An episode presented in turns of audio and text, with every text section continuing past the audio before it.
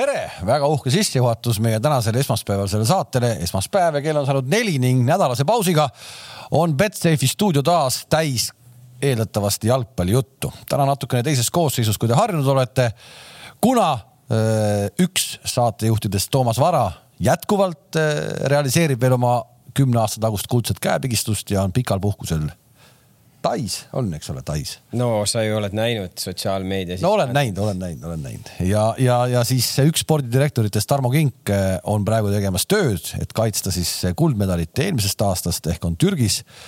Need mehed on varsti tagasi ja nendega räägime siis. täna meie stuudios aga siis Paide meeskond peaaegu täiskoosseisus, vähemalt juhtkonna mõttes küll. president, tervist. tervist. Mihkel, tere. tervist. peatreener ka, tere ja Gerd Kamps ka tere. tervist, sul läks Mihkli nimi meelest ära korraks? ei, mul ei läinud, ma tahtsin kohe küsimusega minna peale, aga siis mõtlesin, et kõigil on mõistlikum ikkagi alguses öelda tere. Karel, meie stuudios varem juba olnud, tol hetkel küll veel siis. vabakutseline. vabakutseline, aga nüüd juba ametis. kuidas on esimesed päevad? no esimesed nüüd kuud. hakkas juba kuues nädal. kuues nädal, et äh, ei väga-väga põnev on ja, ja selline uus, uus energiline tunne endale, et tükk aega ju ei saanud seda tööd teha ja tükk aega pole üldse klubi tööd teinud. sellest on ikka väga palju aega möödas. aga, aga tunnen nagu oleks kogu aeg teinud seda, et praegu on väga hea. Veiko, mul on siin ees üks, mul on siin ees üks pealkiri, mina pole seda teinud, aga pealkiri guugeldades su nime. Veiko Veskimäe, meil on Eesti parim kaitsja ja ründaja ja seda on öeldud siis eelmisel aastal, kaks tuhat kakskümmend üks. oli teil Eesti parim ründaja, Eesti parim kaitsja? Absoluutselt. Eesti parim, ma lisan Eesti parim väravaht ka. Eesti par-. ära võta ära midagi meestelt. ma ei võta, ma jään selle juurde praegu. kui sul on kõik Eesti parimad satsis ja sa tuled ikkagi ära pronksmedaliga, siis ei saa ju ikkagi nagu rahuldavat hinnet hooajale panna. no ma arvan, tegelikult saab et eks see on sihuke perspektiivi küsimus. et äh, me, meil endal olid seal eesmärgid pandud ja ma arvan, me suures pildis selle eesmärgiga täitsime, mis me tahtsime, et äh, ega nii meeskonna kui, kui klubi ülesehitamine ongi pikk, pikk töö et äh, vaatame, kuidas see aasta läheb jälle. no kuule, kuule, tegelikult noh, eesmärk ei saa ju olla, kui sa oled ühel aastal hõbedal, et noh, teeme nüüd see aasta pronksi või nojah, aga vaata, sellega ongi niimoodi, et eh, ega see, et sa ühe, ükskord saad hõbedale, et eh, ma arvan, see pronks tegelikult näitas seda, et me töö on olnud õige. et eh, eks me neid üheööliblikaid oleme siin varemgi näinud nii spordis, nii jalgpallis kui muudel aladel, et, et meie eesmärk ongi olla mitte see üheööliblikas, vaid just vastupidi, seda teha pikaajaliselt ja ma arvan, see pronks tegelikult näitas just vastupidi seda, et, et me oleme teinud õiget tööd. see suund on õige ja tegelikult see, mis me siin umbes täna neli-viis aastat tagasi endale eesmärgiks panime, et et äh, saada Eesti üheks tippklubiks. Äh, selle me oleme, ma arvan, täitnud. Äh, see eelmise aasta pronks oli just, just hea näide sellest ja, ja kindlasti ambitsioon sealt edasi. no oleme ausad, tegelikult nagu kulla heitlusest välja kukkuda suhteliselt varases faasis, lõpuks punkti vahe siin kuusteist punkti, kuuskümmend kaks punkti, Levadia seitsekümmend kaheksa punkti.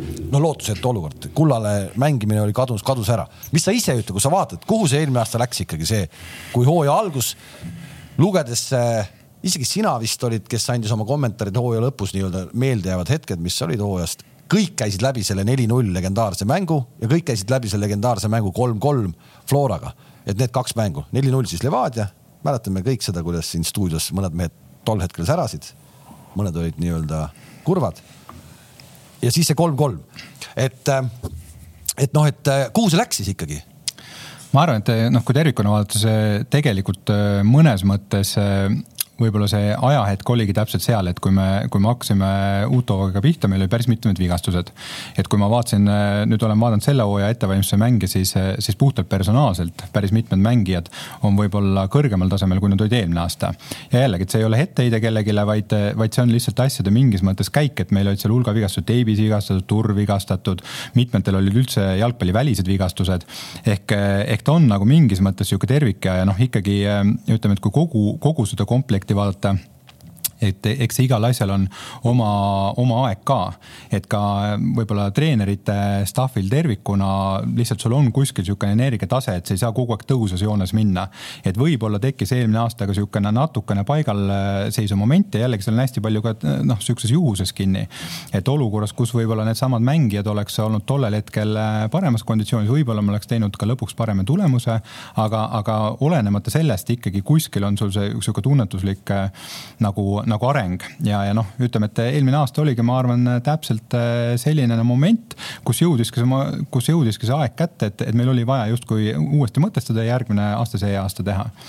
ehk siis ma arvan, et see ei jäänud tegelikult mingis konkreetses momendis ei läinud see kaduma, vaid see, see võib-olla iseloomustus meie eelmist aastat nagu tervikuna, aga, aga veel kord, ma ütlen, et, et olenemata sellest, et võib-olla väga sihuke, väga paljud arvasid, et see oli kuidagi nagu läbikukkumine, ma isiklikult absoluutselt seda ei arva.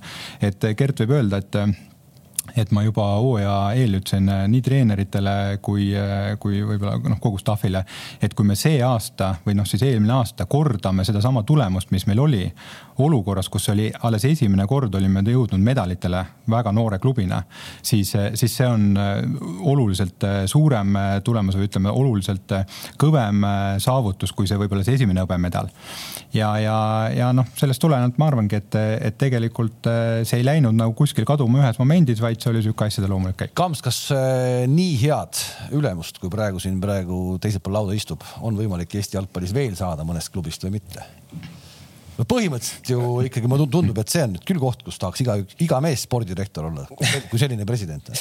president on nõudlik. Äh, nõudlik? on, president on nõudlik, ega ei ole nii, et ma lihtsalt lähen hommikul äh, kella kaheteistkümneks kontorisse, kell kaks tulen koju, et äh, tööd on vaja teha, oma panus on vaja anda.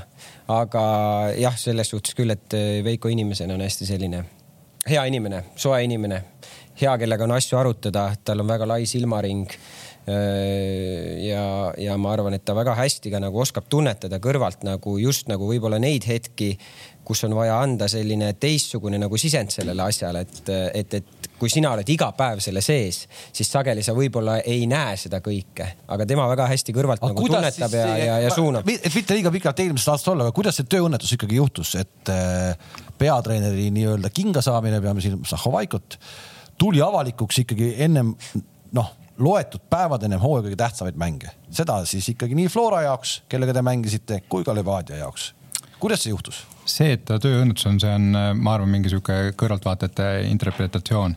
ehk tegelikult oli see väga selgelt plaanitud tegevus selliselt ja, ja noh, kui võib-olla hästi lühidalt seda veel üle käia, et, et eh, nii nagu eh, me treenerite ja, ja ka üldiselt seda kommunikeerisime, et, et me alustasime selle protsessiga äh, seal võib-olla kuskil augusti lõpus, hakkasime kaaluma üldse, kui ühel hetkel on vaja peatreenerit vahetada või treenerite staff'i, et milline see üldse see uus peatreener peaks olema, millised meie klubil eesmärgid on ja, ja kuidas seda protsessi läbi viia andma selles mõttes sisendit eh, üldse sellele, et kas see, kas see juhtub sellel aastal, järgmine aasta või, või mingil olukorras, kus eh, spordis vahest juhtub, et sa pead lihtsalt, sul ei jää muid valikuid, kui sa pead selle tegelikult selle, selle jooksvalt tegema.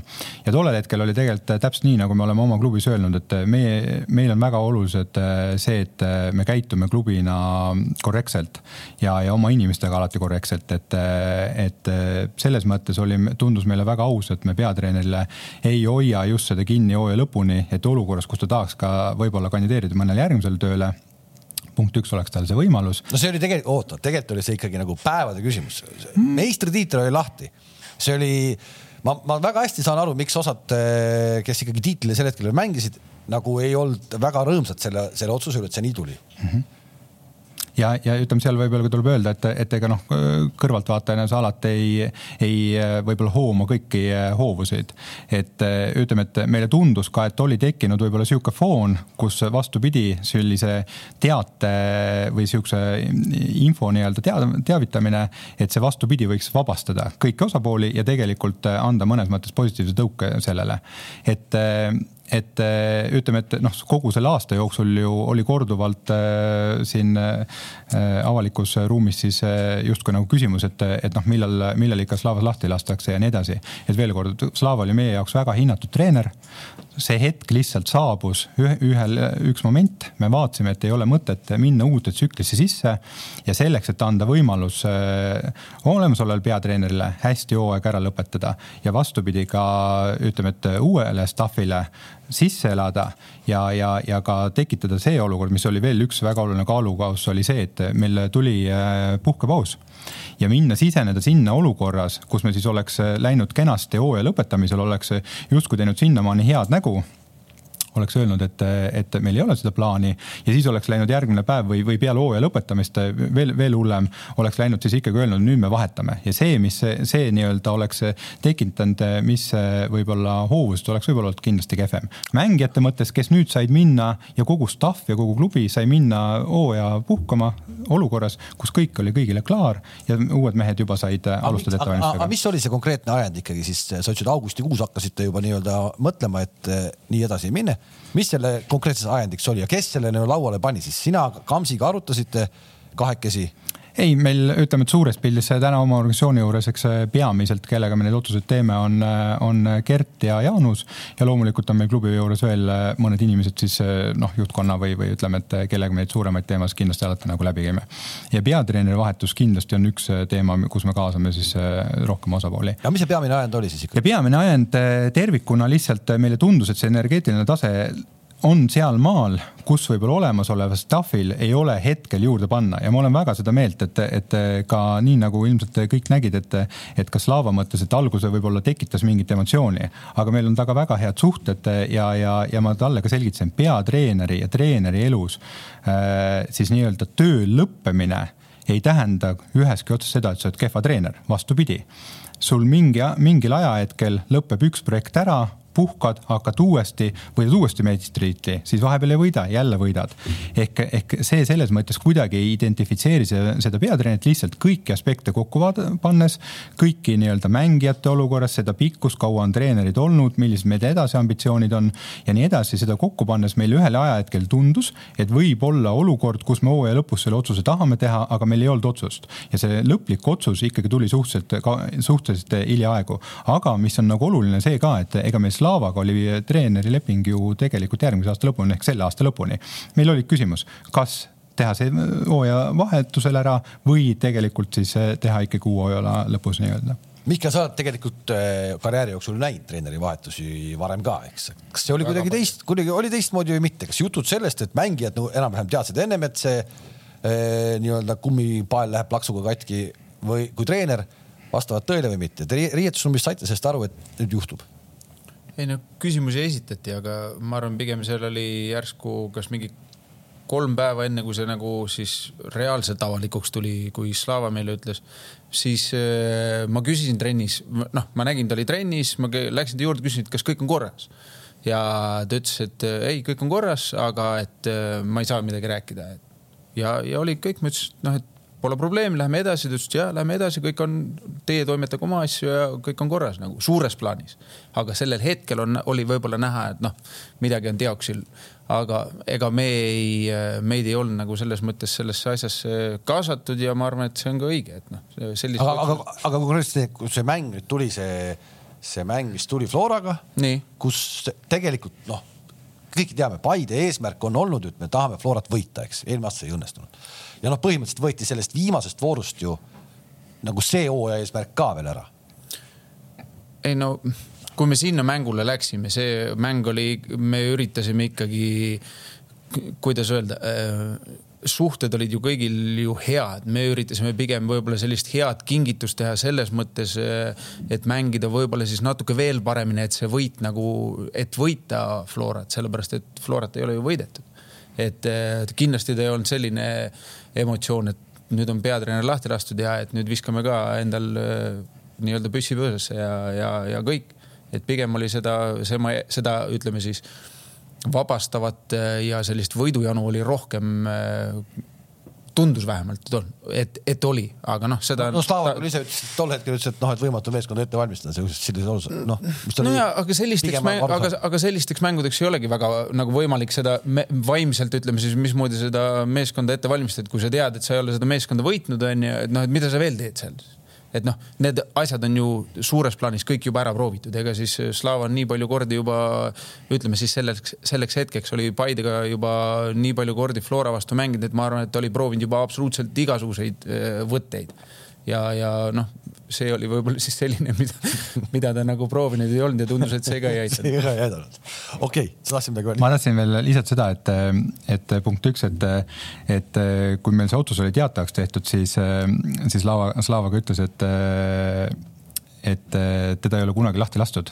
Siis ma talle ka ütlesin, et, et harju ära, et umbes karjääris viis, viis korda veel juhtub, et kas lähed ise ära, mingi moment satub või, või siis äh, ka on olukord see, et just eelmine aasta oli meistriks, aga järgmine aasta lihtsalt olud ei klapi ja, ja peab, et see jällegi ei identifitseeri sind. aga mis on oluline, mis ma tahtsin tegelikult lisada, et umbes ma arvan, see oli augustikuuses või augusti lõpus seal kuskil, kus Slavaga ma sain kokku ja ta ja ma ja ta mu käest küsis, et, et kas te olete uut peatreenerit otsimas ja see, see jällegi. see oli siis augustikuus? ma arvan, et see oli august või september kuskil, kuskil seal, seal osas. sa ise ju kujundad seda seda olukorda siin iga saade ju küsite. mina ei ole, mina ei ole. varaga küsite, millal siis peatreenerit vahetate. mina ei ole ühtegi korda seda küsinud. oled küll. aga kuule. ja, ja ma tahangi seda just täpsustada, et eh, siis meil oli väga-väga sisukas vestlus Slavak ka ja, ja jällegi, et, et ma olen enda rolli selles osas ka näinud, et kuna ta on väga noor treener olnud ja tõesti, ta alustas ju täiesti nullist. et, eh, et teda natuke suunata just selles mõttes, ma väga usun temasse, ta on väga-väga hea treener, väga töökas treener, väga laia silmaringiga, aga loomulikult on tal omad pooled, mis, mis vajavad nii-öelda võib-olla arendamist ja just nagu juhtimise mõttes. ja siis ma ütlesin talle ka, et Slava, meil ei ole midagi, me klubi, kui meil see oleks, ma annaks sulle teada, aga sa pead ka sellega arvestama, et isegi kui meil täna oleks see plaan siis me peamegi ju professionaalse klubina kogu aeg teadma, et me peame teadma, et kui mõni mängija ära läheb, me peame teadma või olema valmis selleks olukorraks, kui näiteks see, see olukord eskaleerub ilma meie tahtmata või treeneri või kellegi tahtmata selliseks, et meil ei jää lihtsalt midagi muud üle, et me peame su välja vahetama. ja seal ma olen ikka seda öelnud, et, et minu meelest jalgpallis ja, ja spordis tervikuna on nagu lihtne, et, et peatreener laseb ükshaaval mängijaid lahti ja lõpuks mängijad eh, koos lasevad peatreeneri lahti, et ka sellised olukorrad on võimalikud eh, spordis. ehk me peame klubina alati ja kõik klubid teised ka peavad olema selleks ju valmis, ehk noh, me peame taustal selliste teemadega tegelema, onju. Miku, parim väravavaht, parim väravavaht, direktor ütles parim ründaja, parim, Eesti parim jalgpallur üldse klubis. läbi aegade. mis läks läbi teil, läbi aegade, mis läks teil nagu siis ikkagi nii valesti, et, et ei tulnud seda tiitlit? isegi mängus ei olnud tegelikult tiitli peale lõpuks. ma arvan, need nagu alati iga hooaeg, need mängud, mis peaks võitma, neid me ei võitnud, et seal Pärnuga võõrsil. Viik. Viik, siis Tammekale Viljandi kodus. Tammekale kaotasime Viljandil kodus. Viljandile kaotasime kodus, kodus.. et, et need äh, Kuressaarega viik äh, võõrsil, et kui sealt panna kokku need punktid, siis, siis ongi see, et sa jääd juba rongi pealt maha ma tahan ühe asja lisada juurde, et kui sa tervikuna vaatad, et kas me mingid eesmärgid täitsime või mitte, siis meie üks eesmärk oli see, et me tahtsime olla paremas konkurentsis vastu siis äh, top kolme ehk, või siis ütleme, et top nelja sisuliselt teisi, teisi siis äh, selles. ja, ja, ja kui meil üle-eelmisega võrreldes me kindlasti saime eelmine aasta siis äh, konkurentide vastu, otsuste konkurentide vastu oluliselt rohkem punkte. ehk kui sa võtad neljast äh, mängust, noh, Gert teab peast kohe siin, et, et kelle vastu mitu, iga, iga mäng, iga sellega on neli, saad ühe, ühe kaela, uus võimalus, siis on kolm võimalust veel, onju. järgmise võidad, oled viigis, et noh, ja kui me nüüd vaatame niimoodi, kuidas me mängisime Kalju vastu, Gert võib-olla peast kohe ütleb numbrid ka. et Kalju, Flora ja Levadia vastu, siis Levadia Levadia vastu vist me olime viigis vist või? Eh, Levadiale me kaotasime kaks mängu, ühe võitsime ja. no Floraga kaks viiki. Floraga oli kaks viiki, üks kaotus. üks viik oli ja... veel noh, ikka. ehk selgelt me sealt panime juurde, aga, aga teistpidi teisest otsast andsime ära ja see ongi see selles mõttes, kus me peame seda balanssi peame just nagu otsima, onju. Karel, mis hetkel sulle, sinu juurde tuldi öeldi, et davai, tule nüüd appi Kamps siin kunagi rääkis, meil sama koha peal istus, ütles, et äh, sa ei olnud äh, ainukene valik. ta väitis, et oli kolm või isegi neli kandidaati. luiskas või oli see nii? ja sa tead, kes võin kinnitada, oli ei tea ja ma arvan, et see ei ole ka ju minu jaoks nagu tähtis, et, et mul oli, oli suve lõpp äkki vist sügise algus oli seal korra nagu kontakt, et kas see üldse oleks nagu mõeldav näiteks, et kas selline teema, siis läks ikkagi tükk aega aega ja tegelikult peale seda esimest vestlust oli selline ka no nagu öeldakse mõnikord, et okei okay,, noh, tükk aega on vaikus, mitte midagi ei juhtu, et siis sa ju tegelikult ju ei tea, et sa ei hakka niimoodi peale esimest vestlust kohe nagu töötama. no te olete sõbrad, te olete kõik see nii-öelda see noh, Kesk-Eesti sõbrad, te olete kõik sealt ühest pundist, see ei ole ju võimalik, et sa Kamsiga ei helista ja sa ei räägi. kusjuures selles mõttes on huvitav aeg olnud, et ma arvan, et võib-olla viimased kaks aastat võib-olla Gerdiga isegi vähem kui tavaliselt.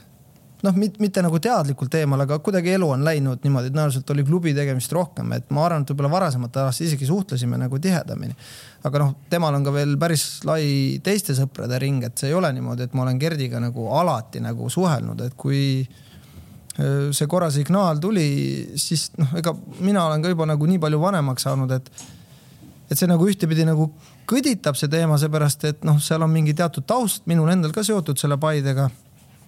aga, aga sa nagu, ma ei tea, kodus oled selle väikse lapsega ja ma, mina jätkasin ikka oma nagu tavalist rutiini, et ma ei käinud rohkem mänge vaatamas, et Paide mänge ma olen alati palju käinud vaatamas kuna mul elab õde Paides ja ema elab seal Kesk-Eestis, et ma panen neid alati kuidagi nagu kokku, näen seal oma endist treenerit Viktor Metsa või veel mingit kolme-nelja kurufeed, kes seal on jalkaga seotud. minu jaoks on nagu tavaline elustiil olnud, aga, aga ta ei muutnud nagu midagi, aga siis, kui sügisel oli äkki oktoober või midagi, juba oli nagu konkreetsem signaal, oli vaja nagu nägemust esitada. noh, siis sa saad aru, et asi on nagu tõsisem, eks ole.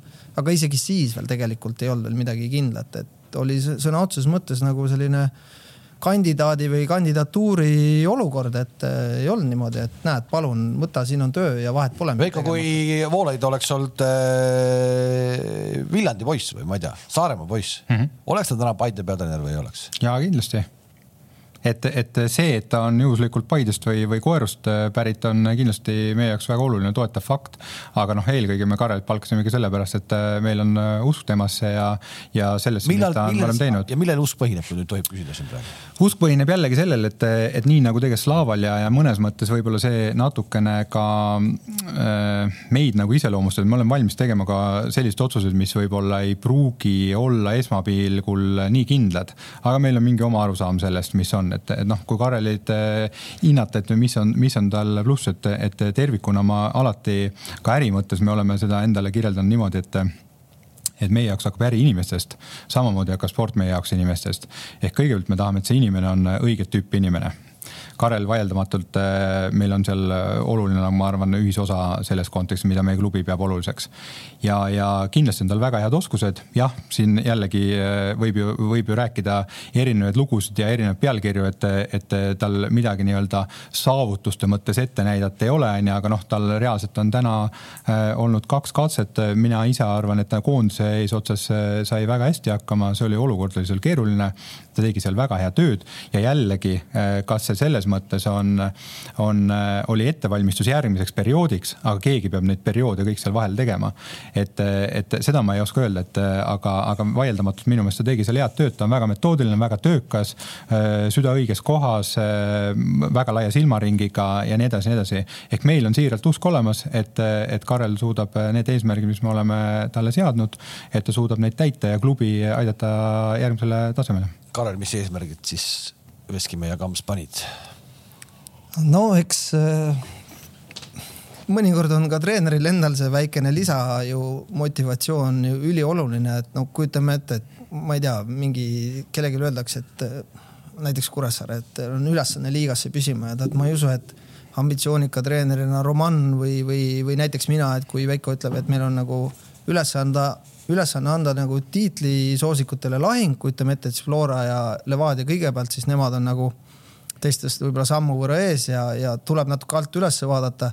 aga et kui su enda ambitsioon siis seal nagu kaasa ei räägi, et siis ka mingis mõttes sa võib-olla lepid nagu vähesemaga, et selge on see, et see on nagu miinimumeesmärk, eks.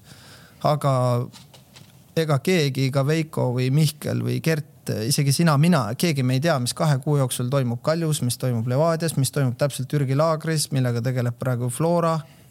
Eh, niikaua, kuni hooaeg pole veel pihta hakanud, me isegi ei tea täpselt tegelikult, millised need lõplikult komplekteeritud võistkonnad on. aga nagu põhimõtteliselt ju on selge, et noh, Paide ei saagi enam nagu muid lauseid kasutada, et noh, kuidas sa ütled fännidele, et noh, see aasta me proovime vähemalt mitte neljandaks tulla või noh, et sa ikka vaatad ülespoole. ei saa enam öelda. sa vaatad ülespoole, see, nagu ei kõlba. ja ma, ma millegipärast kahtlustan, et isegi noh, nii justkui nagu pealtnäha hea, hea inimene kui, kui Veiko, et kui neljas koht on, siis ka sul läheb ilmselt see uks tagant kinni nii et sa ise paned selle ukse kinni. ja, ja see on noh, ütleme, ma olen praegu, Mihkel on olnud enamus treeninguid kohal, eks ole, et, et mängijad ju teavad ka, milline see tegelikult retoorika on, mõnikord antakse klubi juhatuse poolt sulle ülesanne treenerina, sina, sinul on siis variant, et kas sa lähed nagu liiga ambitsioonikalt ajad õhupalli lõhki ja ütled, et noh, ma ei tea, president ei tea, kuidas võita ja ma võtan siin kõik kullad ära ja hakkad nagu paugutama et mille pealt sa siis paugutad, kas selle pealt, et sul on head või mängijad või sa oled ise nii kõva mees, et mind ei huvita, et siin on kunagi spordis olnud need munade jutud ja kõik asjad, eks ole, et ma usun, et mingi hea, hea tasakaal peab olema, et sa ei saa oma mune suuremaks rääkida, kui nad tegelikult sul on, eks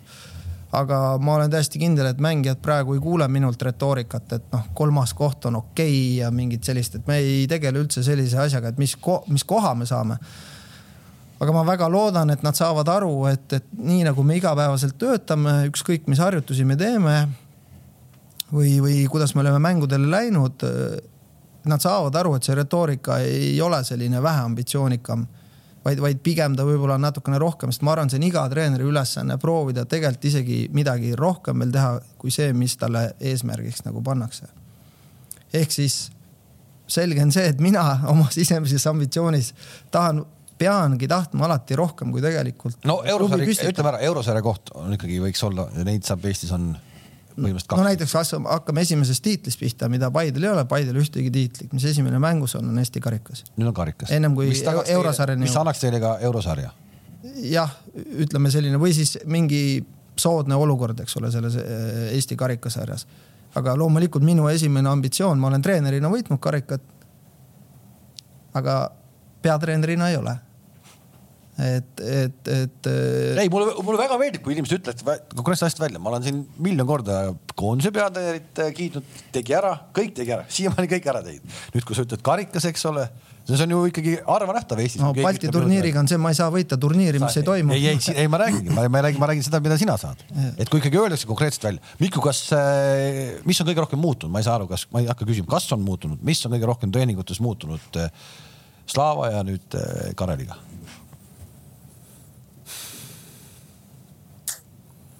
no ikka on selles mõttes treeningi ülesehitus, et see metoodiline pool on teistsugune kui, kui oli Slavaga ja see ongi, ütleme siis peatreeneritel on erinevad käekirjad, aga, aga ma arvan, et noh, tööd tehakse samamoodi samasuguse innuga, lihtsalt ongi see, et noh, millise nurga alt saab võib-olla paremini välja selle, mis, mis mängijates sees on. ja seda me näeme ju aasta lõpus.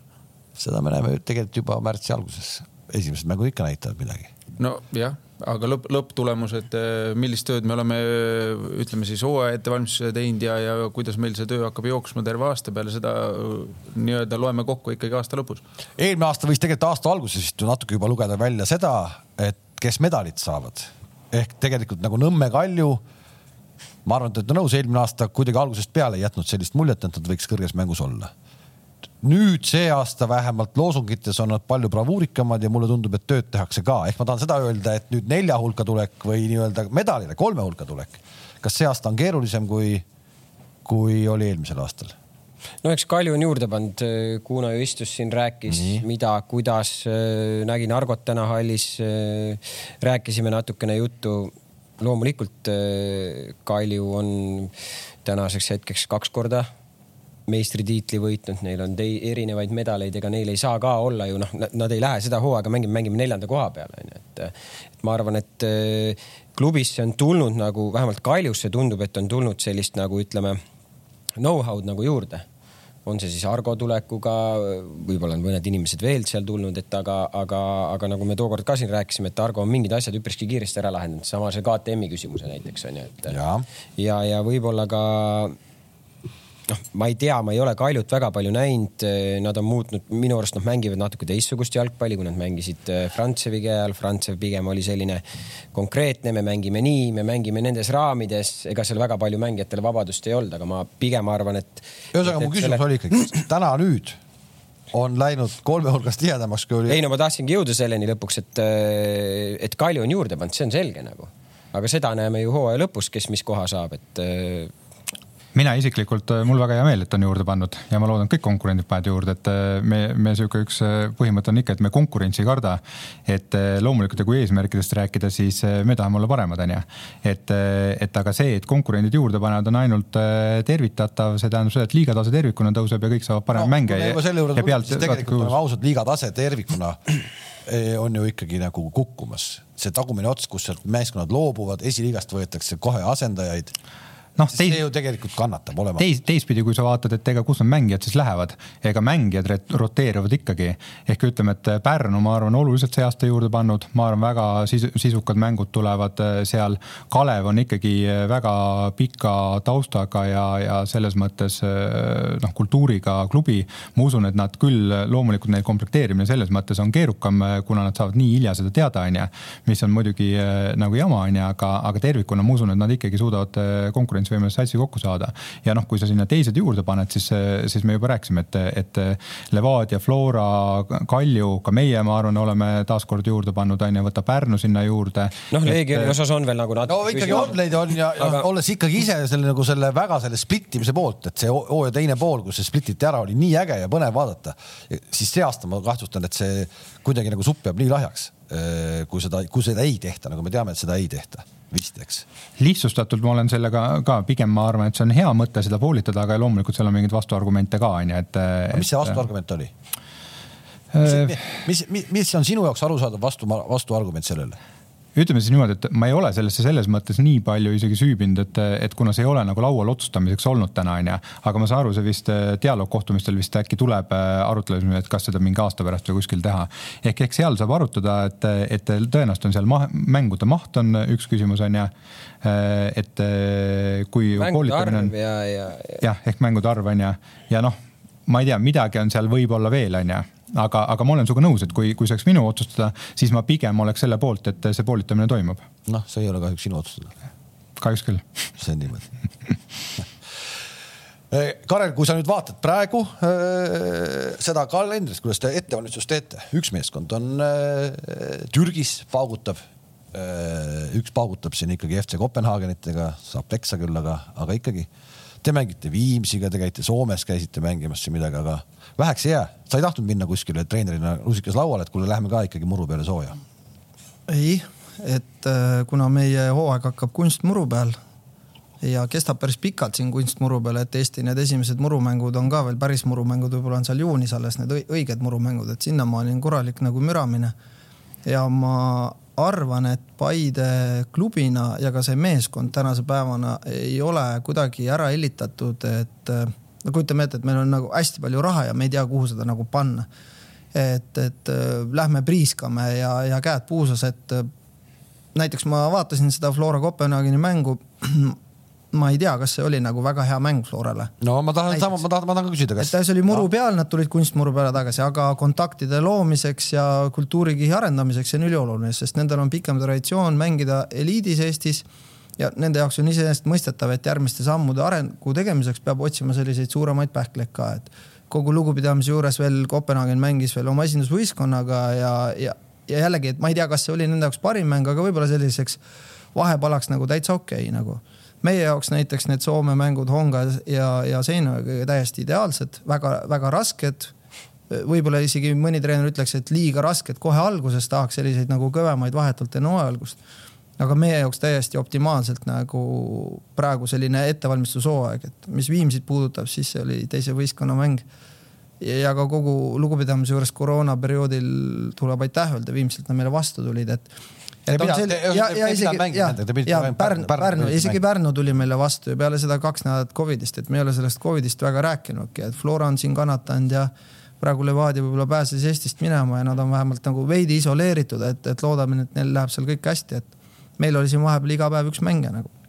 üks mängija ära tähendab seitse või kaheksa päeva kümme päeva treeningutest eemal, et see ei ole nagu naljaasi. aga mis puudutab hooaja ettevalmistusprotsessi, minu arvates Eesti mõistes meil on väga okeid tingimused, et äh, mina olen nagu väga rahul ja, ja selle mängude graafikuga ka. Need mängijad, kes on nüüd vahepeal toodud, äh, noh, sellest Kambjast on palju juttu räägitud, eks ole tore koht käia, ma saan aru, Kams hirmsasti kiidab, tahab veel minna. absoluutselt. Lähete veel? Kalev tahaks minna Kalevile meeldivad ekstreemsused. aga te nüüd olete kolm tükki toonud, Miku, kas sa nagu eh, tegid suured silmad, kui öeldi, et Kambjast tuuakse väravavaht nagu, et eh, ehmatasid ära ka, et mis see nüüd on või? ei, ma arvan, et me puudutasime seda teemat, kui, kui Gert nagu, kui ta käis seal, et ta, ta rääkis, et mis seal on, aga noh, see lõppotsus ei olnud ju ma ei olnud kuidagi selle juures äh, või teadlik sellest, äh, aga ma ütlen seda, et äh, mängija, kes on toodud, ütleme siis väravai kohta ja kõikide nende mängu, mängijate kohta, kes on toodud, on kvaliteetsed mängijad. ma saan ka aru, et äh, neid nii-öelda väljakule jagub, noh, et nii-öelda saavad nagu hakkama. Äh, miks sa teed neid kontrollmänge, vaata, kui ma olen vaadanud seda koosseisu, kuidagi on niimoodi, et, et. et vähem meid või? ei, et ma mõtlen, et nagu osad mängivad veel selles nii-öelda teises võistkonnas, ma vaatasin mingis koosseisus oli Mošnikov mängis teises satsis, miks sa niimoodi teed? no Mosnikovi koha pealt on üks hästi hea selline professionaalse suhtumisega mängija näide, et eelmine hooaeg läks ta laia taha ja, ja, ja ühtepidi ju see, seda tüüpi mängija on mingis mõttes kaks varianti, kas sa oled mugavustsoonis või sa hakkad nagu muretsema sellepärast, et kui kiiresti ma ennast korda saan ja kui kiiresti ma ennast koosseisu tagasi mängin. ja Serksiga oli väga lihtne lahendus, et kuna tema nüüd ennast hiljuti vormi saanud ja korda saanud, siis Flora mängus oli teada, et ta mängib vähem ja mina ei tahtnud, et ta läheks mängima duubli eest.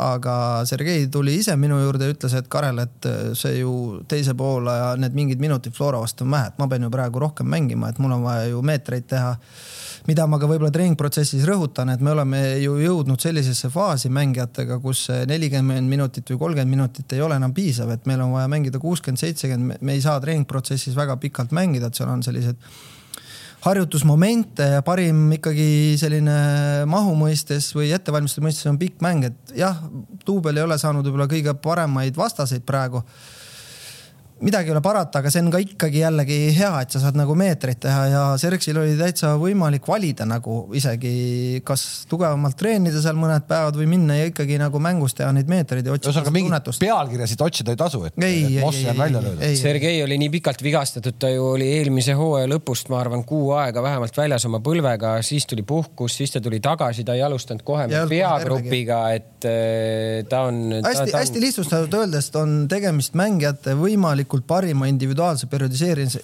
periodiseerimisega kogu võistlusprotsessis, et mängijad saaksid optimaalse mänguaja igas nädalavahetuses vastavalt sellele, kuidas nad treenivad ja oma positsioonile, rollile võistkonnas, et olla hooaja alguseks võimalikult heas seisukorras. Veiko, kas sind ei tee murelikuks, äh, siin käivad vigastuse jutud läbi, kes oli eelmine aasta pikk, Luts pikalt katki, turr katki no,. Teibis, aga teibis. veel kord, ma arvan, me oleme seda teemat siin puudutanud.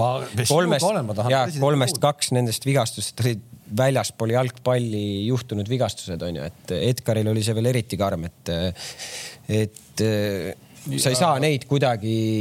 eelmise aasta enamus vigastusi, mis nii-öelda mängijaid eemale olid veel kontaktsed vigastused väljakul. ütleme siis sellised et, olukorrad, kus kaks mängijat läksid omavahel kontakti. jooksed ja jalg läheb alt ära. No, tõmbad tagareie ära et midagi on valesti meil, nagu ettevalmistusest. ma ei mäletagi, kas meil selliseid vigastusi üldse, üldse oli, kes nii-öelda jooksu pealt või treeningus lihtsalt oleks midagi ära tõmmanud. enamused on ikkagi kontaktsed ja mängus kui ma ise vastan, kui ma ise vastan, siis ei tee. et äh, see on läbitud etapp, selles mõttes tõesti eelmine aasta oli meil ebaõnne, seda juhtub. Äh, ma arvan ka, et eelmine aasta tegelikult ettevalmistusfaasis ei pandud mööda, vaid seal oli natuke ebaõnne ka ja võib-olla mõne mängu, mängijaga noh, kas siis äh, oli see sihuke piiripealne, et, et võib-olla andis tunda, aga, aga see aasta minu meelest meil vigastusi tui hetkel liigselt ei ole ja, ja, ja ma loodan, et see nii jätkub. ükski treener ei ole selle eest kaitstud, eelmine eelmine hooaeg, viimane, viimane voor kas midagi läks süsteemis vale, kui mehed lähevad katki, aga ma sain vastuse saime. eelmine hooaeg viimane voor, viimane trenn enne otsustavat mängu, Flora läheb lume peale trenni tegema, Sapinen saab vigastada. mis, mille eest kas Enn on siis nagu halb treener? valesti nagu, et noh, see oleks nüüd kostjad ja kõik jätta riietusruumi, mida me enam seal lume peal treenime, meil on ju, me treenime, kas me õpime mängima enam seal lume peal või? jäta kõik vennad sisse ja lähed, sul on kõik rivis, sapi audis viimane mäng ehk ütleme, et vastuseks. sa ei ole kaitstud selle. vastuseks see, et loomulikult see küsimus on õigustatud, kui niisugune moment tekib, siis loomulikult me klubiga ju analüüsime, et kas, kas see, kas me oleme midagi mööda pannud.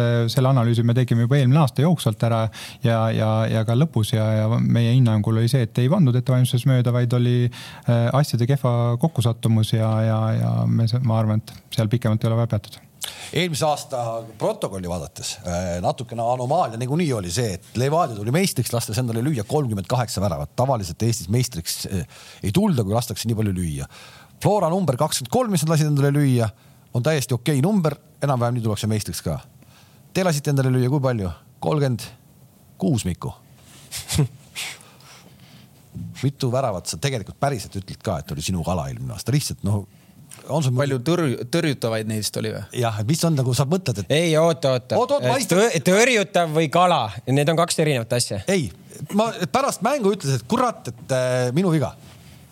kurat ühtegi ei olnud vist, ma ei ei, ma arvan, et sul mõni ikka sul kri- kri- ei, ei, Kripeldab. kripeldab ikka, aga enamus nendest, enamus nendest väravatest, mis kripeldama jäävad, olid siis ütleme, värav algab vaata alati kuskilt, noh, ütleme kas Audi sisseviskest või siis näiteks minu käes on pall, ma annan selle näiteks eh, keskkaitsele, keskkaitse annab keskele söödu, kaotab selle, lüüakse värav võib-olla ma panen enda mõne mängija panen näiteks surve alla, et neid oli, ma arvan, järsku kaks või kolm, mis jäid nagu niimoodi kripeldama, aga kui me vaatasime nüüd hooaja lõpus kõik eh, nii-öelda sisse lastud väravad ära, siis ma arvan, et nendest sa vaatasid kõik ära.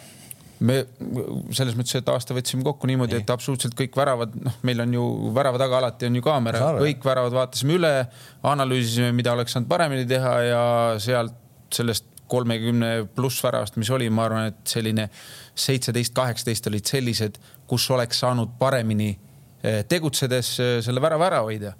nii-öelda selliseid, selliseid väravaid, kus eh, on nii-öelda siis eh, lööja või väravalööja meisterlikkus, neid oli seal seitse-kaheksa vist. okei okay,, aga seitseteist, kaheksateist kokku. ja sinna Neid- hulka see- ei läinud need väravad, mis te varaga nagu suvel ja, ja okei okay., sinna hulka ei läinud ka see üks eh, Saka ära võetud penalti, mis ma arvan, on su karjääri üks ägedamaid asju üldse. nii ei, aga need seitseteist, seitseteist, kaheksateist, nii, aga need seitseteist, kaheksateist tähendavad seda, et kakskümmend sentimeetrit oleks võinud olla siinpool või mis me oleme käinud trennis läbi mingisugune asend või oleks saanud äh, äh, eelnevalt olla kaks meetrit ülevalpool. Need, ehk põhimõtteliselt ikkagi pooled väravad olid eh, mingis mõttes eh, ei, nad oleksid ära ära vaata, sa kõiki niikuinii ära ei hoia. ei no muidugi sa ei suudagi, see ongi see umbes ütleme, ma arvan, et Floral samamoodi seal, mis iganes, kakskümmend kolm, palju nendel oli.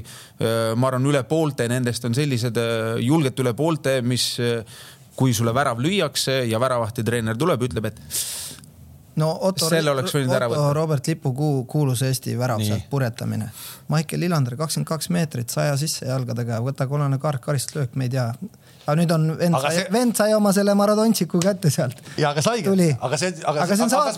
aga loeme siis praegu su filosoofiat välja, millist mängu me hakkame Paidega nägema? ehk pigem ikkagi, et kõik nagu driblavad või? ei, ei, ei, ma tahan seda, et, et pigem ikkagi hoiame nagu äh, mängud üks-null. Ma võib-olla vastan ennem, et statistika muideks kunagi ei valeta, kuigi sellega saab kõiki valesid eh, nii-öelda õigustada. aga et tõesti see nii on, et kui ühel hetkel, kui me siin aastaid tagasi võtsime ka tabeli ette ja, ja, ja kirjutasime, et kus see probleem on, siis numbrid ide- identifitseerivad seda väga hästi.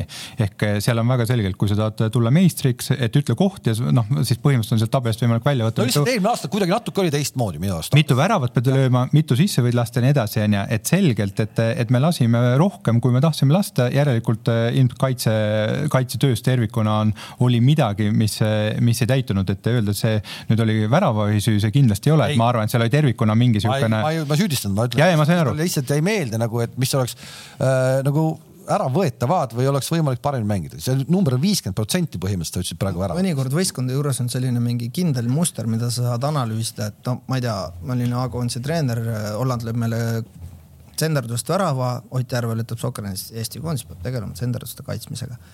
et kui sa selle korda saad, siis enam sulle ei lööda sealt väravat. aga, aga... sa tõid, aga sa tõid selle, palju lõid ju eelmine aasta, sa oled väga äh, analüütiline vend, mitu standardist, mitu väravat löödi eel- eelmine aasta Paidele? Ehm, kusjuures äh, ma, ma tegelesin nagu sellise analüüsiga, et mitte neid nagu numbreid kokku lüüa, vaid ma vaatasin selliseid nagu tegevusi, mille tagajärjel äh, noh, on võib-olla selline viiskümmend, viiskümmend olukord tekib, kujutame ette, et äh, seesama A Le Coq'is kolm, kolm-kolm mäng. ma analüüsisin seda, tegin sellest hästi põhjaliku analüüsi. Ja selles kolm-kolme mängus ma näen, et iga Flora standardolukord on selline, et ta on viiskümmend, viiskümmend kohe on ohtlik. ta, ta on ohtlik. Et kui Kostja paneb selle palli heasse kohta, see pall isegi lendaks niisama õhust läbi seal, siis see tegevus, mis seal toimub, on selline, et Paide peaks peale igat corner'it nagu korraks niimoodi, okei no ma pakun, et Märten. Kuuske, Märten Kuuse nii-öelda minek eh, ikkagi vaadati kindlasti ka Paide vastu olukordi, kus ta. aga, aga see ei tähenda seda, et Paide treenerid ei oleks tegelenud sellega. aga sina saad alati uue treenerina tuua mingisuguse väikese uue vaatenurga, mille peale võib-olla nagu need eelmised treenerid ei mõtelnud ja see ongi nagu nüüd noh, nagu sinu teha, et kas sa suudad seda parandada, et mõnikord on seal väikesed detailid, mõned laused, mingid nüansid, mõnikord isegi veidikene ümber markeerimine, kes keda võtab. tavaliselt see ei ole võistkondlik probleem, kui me näiteks toome sellised standardolukorrad, et see on tavaliselt ühes-kahes persoonis kinni. no Konda on lahkunud. jah, aga Gert teab täpsemat põhjust, aga kui me räägime nüüd nagu hüppame sinna Paide nagu hästi sügavuti analüüsi, et, et kindlasti standardolukorrad noh, tuleb hästi kaitsta, aga standardolukordades nii palju, kui sinu võimuses on, kui sina isegi teed nagu kõik väga hästi, vastasel võib olla ikka mingi ekstra käik, kuna neil on näiteks lihtsalt nii hea palliserveerija sinna kasti, kes laseb selle tsenderduse ja nende kombinatsioonid, mida nad on harjutanud tundide viisi ja kui me peame silmas näiteks Florat Levadia, et nad väga suurt rõhku pööravad sellele ja pööras ka aastaid tagasi Kalju ja me, me ei tea ju praegu, kas nad pööravad või ei pööra, tõenäoliselt pööravad. iga ju võistkond tahab sealt palju väravaid saada, aga mõnikord lihtsalt kujuneb välja niimoodi, et võtame kasvõi Manchester City, nad ei löö tõenäoliselt hooaja lõpuks nii palju väravaid nurgalöökidest kui võib-olla mingi kuues või seitsmes võistkond isegi.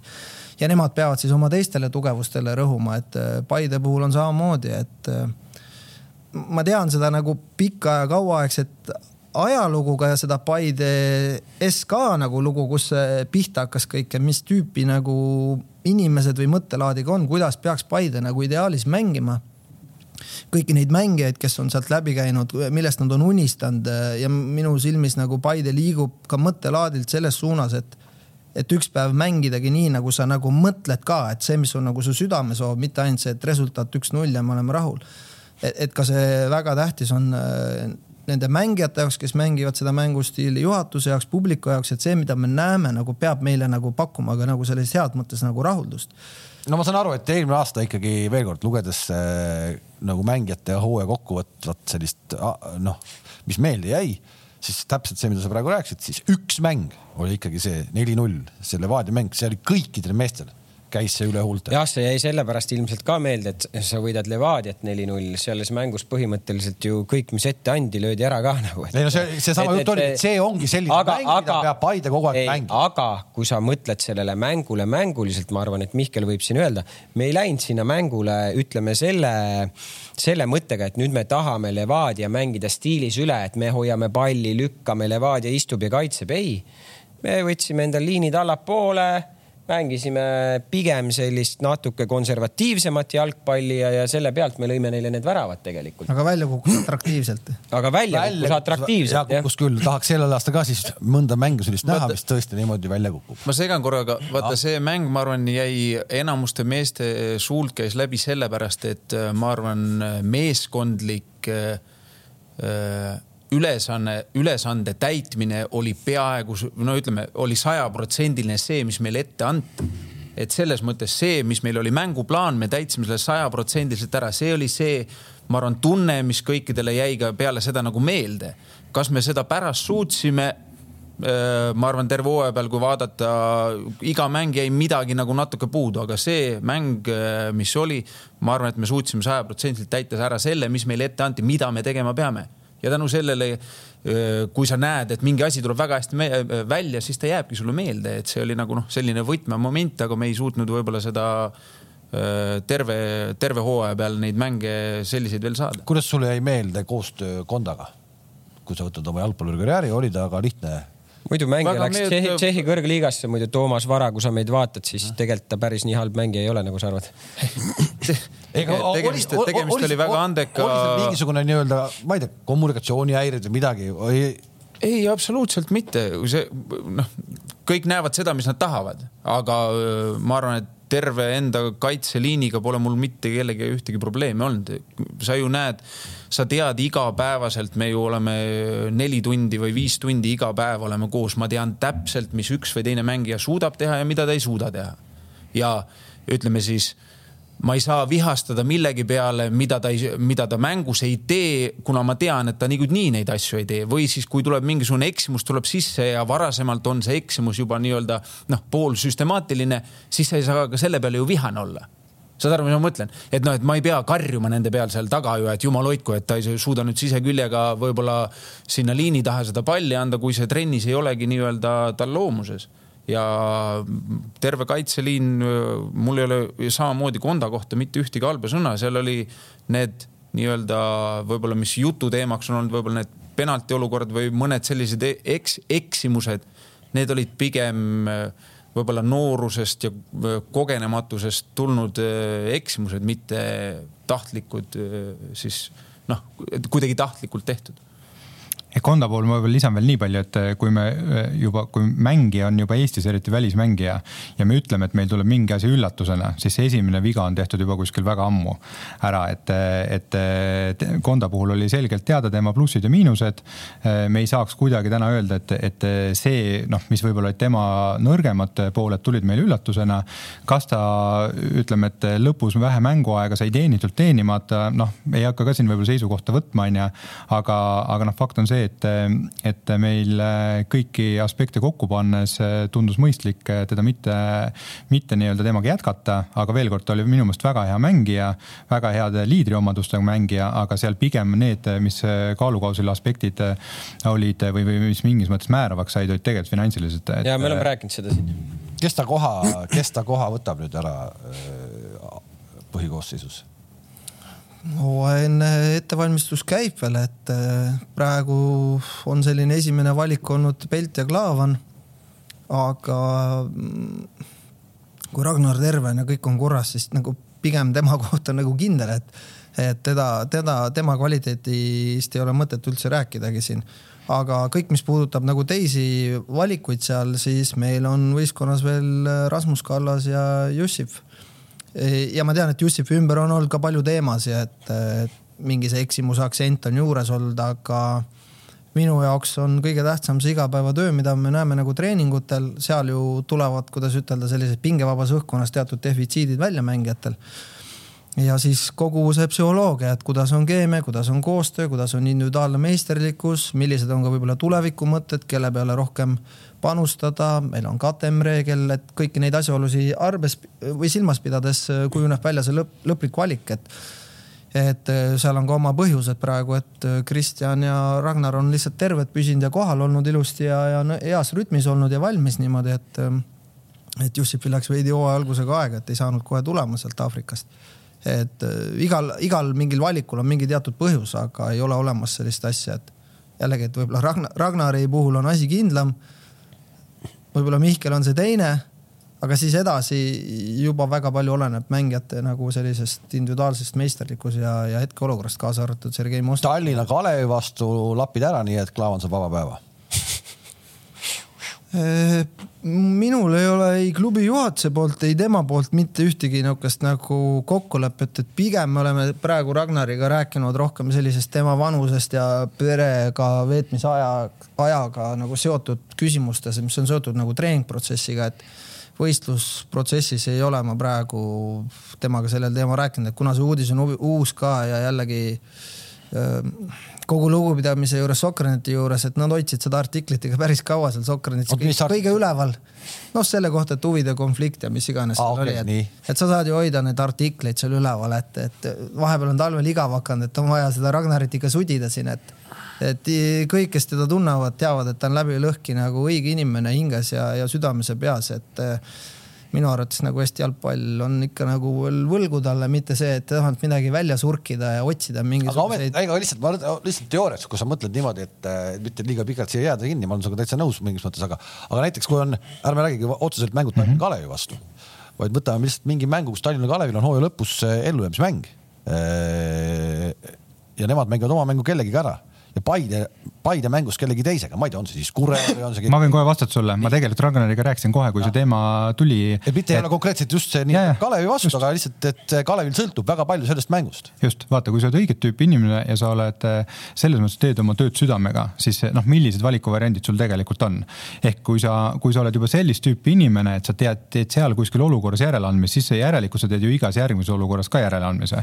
ja noh, Ragnar Klavan kindlasti sellist tüüpi mängija ei ole, et, et ma arvan, et ta on teinud ainult oma, oma tööd väga professionaalselt ja, ja tegelikult äh, südame järgi, et ehk ma arvan, et mul ei ole klubi presidendina ei ole mitte mingit äh, kahtlustki, et kui selline olukord oleks, siis ta oma töö teeb väga professionaalselt platsil ja teistpidi me arutasime ka temaga seda, et, et noh, et, et äh, klubi presidendina et noh, millist võitu sa siis tahad, mina isiklikult ei taha kunagi saada võitu, mis on ebaaus ehk kui sa seal annad järgi, sa tead, et su klubi saab edasi, sellepärast et tegelikult ei ole seda ära teeninud ja jääb üks-üks konkurentsis alla, noh siis ma arvan, et see ei, tegelikult ei peaks sulle head meelt valmistama. hästi-hästi kiiresti, hästi lühidalt, kas Paide ja Kalev kuidagi omavahel ei ühinemise mõtted, mitte mitte midagi kunagi, mitte kunagi. ei, noh, seal ütleme, et loomulikult me oleme sel teemal Ragnariga arutanud, kas seal on mingi koht, aga noh, kui sa vaatad kogukonda, siis klubiga identifitseerib äh, see kogukond.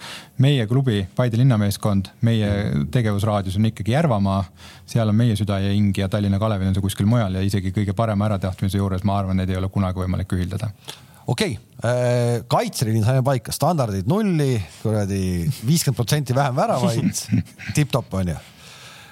kes äh, lööb vähemalt viiskümmend protsenti Anieri saagist äh, ees ära?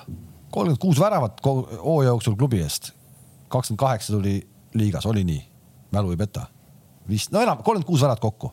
kui sa võtad kõik meie võistkonda registreeritud mängijad, keda sa pead nagu värava löömise võimeliseks, siis oma maitse järgi jagad protsentuaalselt selle arvu ära ja minu meelest tuleb väga ilusti täis. nii, ehk et muret ei ole?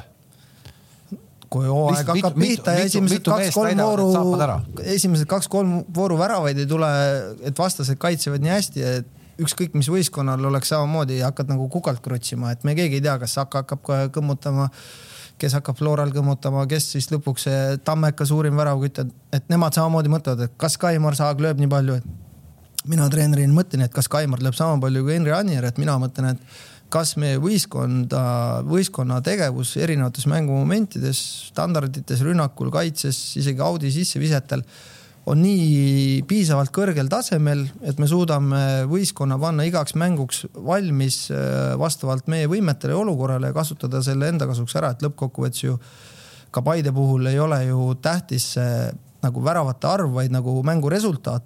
et, et me peame olema mõnikord ka väikese resultatiivsusega rahul, aga nagu Veiko ütles ka, et ma tean seda matemaatikat, et ma olen ise seda teooriat samamoodi võtnud, unustada ära mingi alla viiekümne värava, et sa seal midagi saad nagu et, et ei maksa mingisugustele illusioonidele nagu mõelda, aga ma näen praegu võistkonnas seda potentsiaali, kus neid nagu väravaid võib tulla. ja eks me ju pingutame ja näeme vaeva selle nimel, et meie Paide rünnak oleks siis, kui ei ole Henri taolist nagu ütleme väravamasinat äh, siis tuleb äh, mänguplaan ja sinu mängustiil peab olema selline, et, et see peab korvama selle. aga Kaimar lööb kakskümmend ära. Kaimar lööb kakskümmend? pane kirja paneme kirja, ma väga hea meelega panen kirja, sest. seal Kussul leht on siin nii palju asju kirja. mulle meeldivad need numbrid ja siis on neid tore vaadata ka, sest et eh, Aniri puhul me oleme seda rääkinud, see läks, läks täppiga, Kaivar kakskümmend. ehk siis, kui, kui eelmine aasta lõiti kokku kuuskümmend kuus, siis neljand, sealt üle neljandiku lööb tema, vägev, see on ju hea täiendus siis. Šapovalovit ei tahtnud üldse või? järsku kuidagi mees on Floras või? Läks vähe, läks närvi ka. ma ei tea, kas ta oli järsku niimoodi. ja see ei ole tegelikult, ma arvan ikkagi, ikkagi lõpuks nagu järsku, et, et küll seal ikkagi see, küll seal ikkagi see, ma arvan, et kui ta sinna Saksamaale läks, ta läks ju ka lõpuks ikkagi ju Florast. siis ta tuli tagasi, eelmine hooaeg ilmselt mõttekas oli Leegionis mõttekam mängida. oli tal Leegionis mängida, mitte Florasse minna, sest ilmselgelt nii palju minuteid ta seal saanud ei oleks. aga ei, me ei, otseselt ei mõelnud ta peale sellest äh, Robbie Saarmast me juba oleme siin äh, Kamsiga rääkinud, et Kams ütles, et tegid väga head tööd, tegelikult Flora tahtis ka.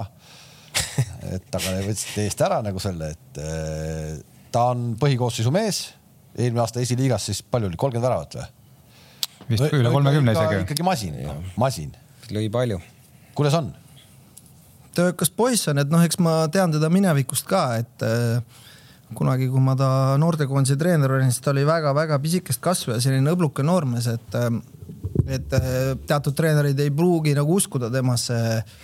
aga selline teatud tugeva, võimalike tugeva mängijate omadustega ta oli juba siis, kes võib tulevikus saada, et pigem sihukese veidi hilisema arenguga.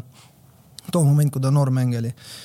aga mis minu jaoks nagu kõige peaaegu kõige tähtsam oli see, et kui ta tuli meie treeningutele nagu esiliiga tasemelt sellise mängijana või veel mitte meistriliiga võistkonnas olnud mängijana, siis ta oli selles mõttes professionaalse suhtumisega üks näitaja, et ta oli väga heas eh, kehalises konditsioonis.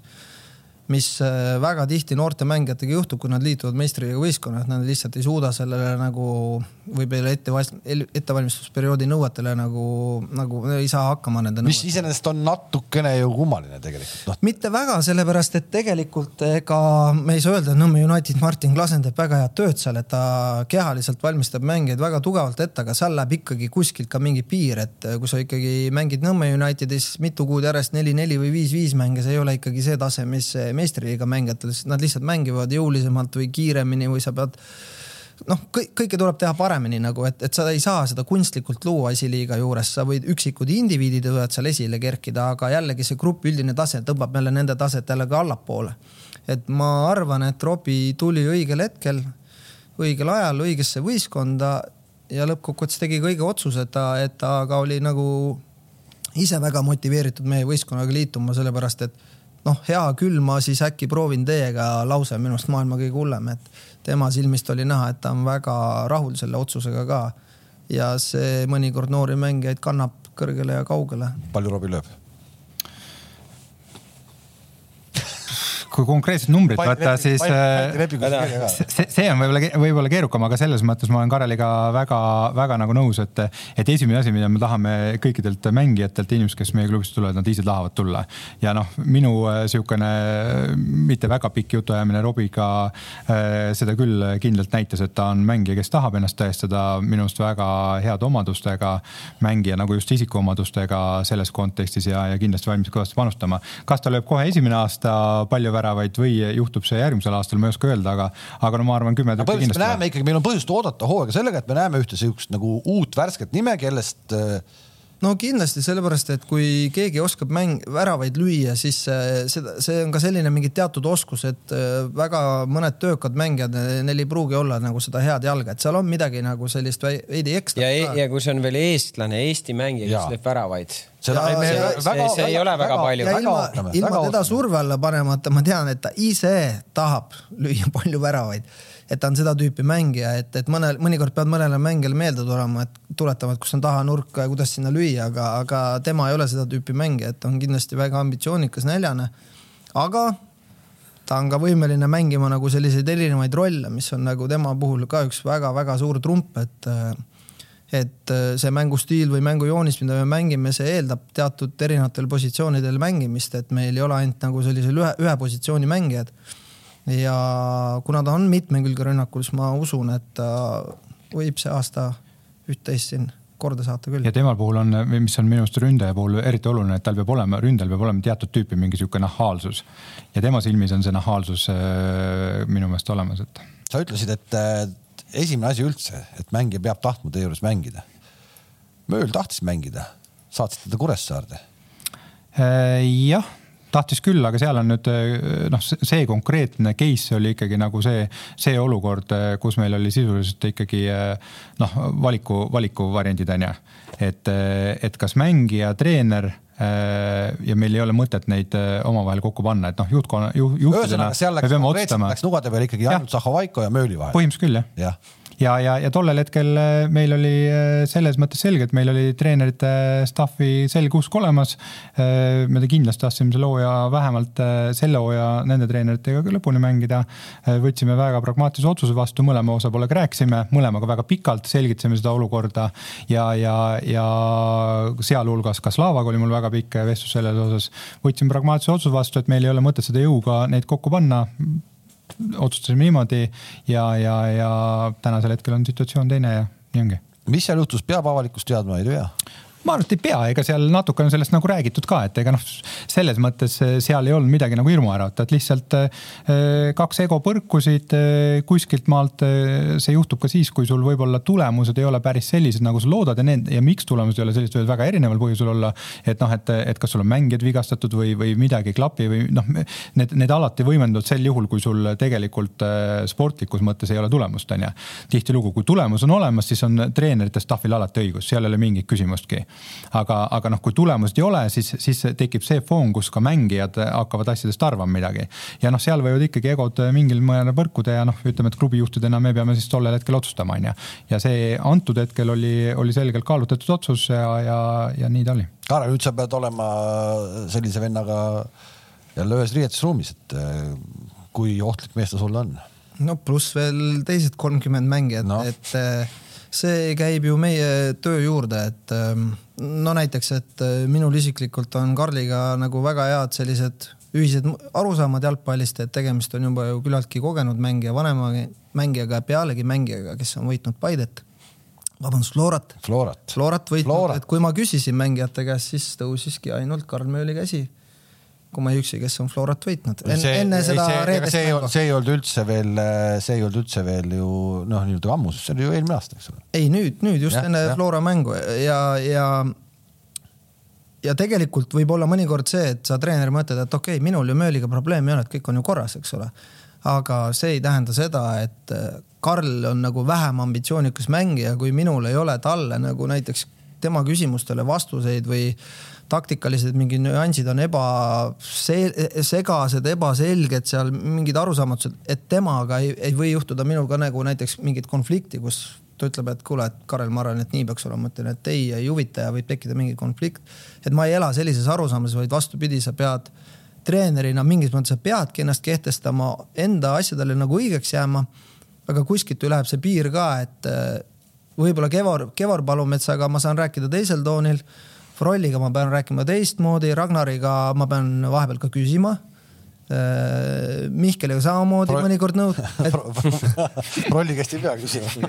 ei, Froll oli esimene mängija, kellega ma kohtusin kohe, viisin ta Mimosasse sööma ja rääkisime asjad selgeks, et äh, kusjuures ta on täiesti sellises olukorras praegu, millest ma talle kirjeldasin, mis nagu juhtuda võib hooajalisel perioodil.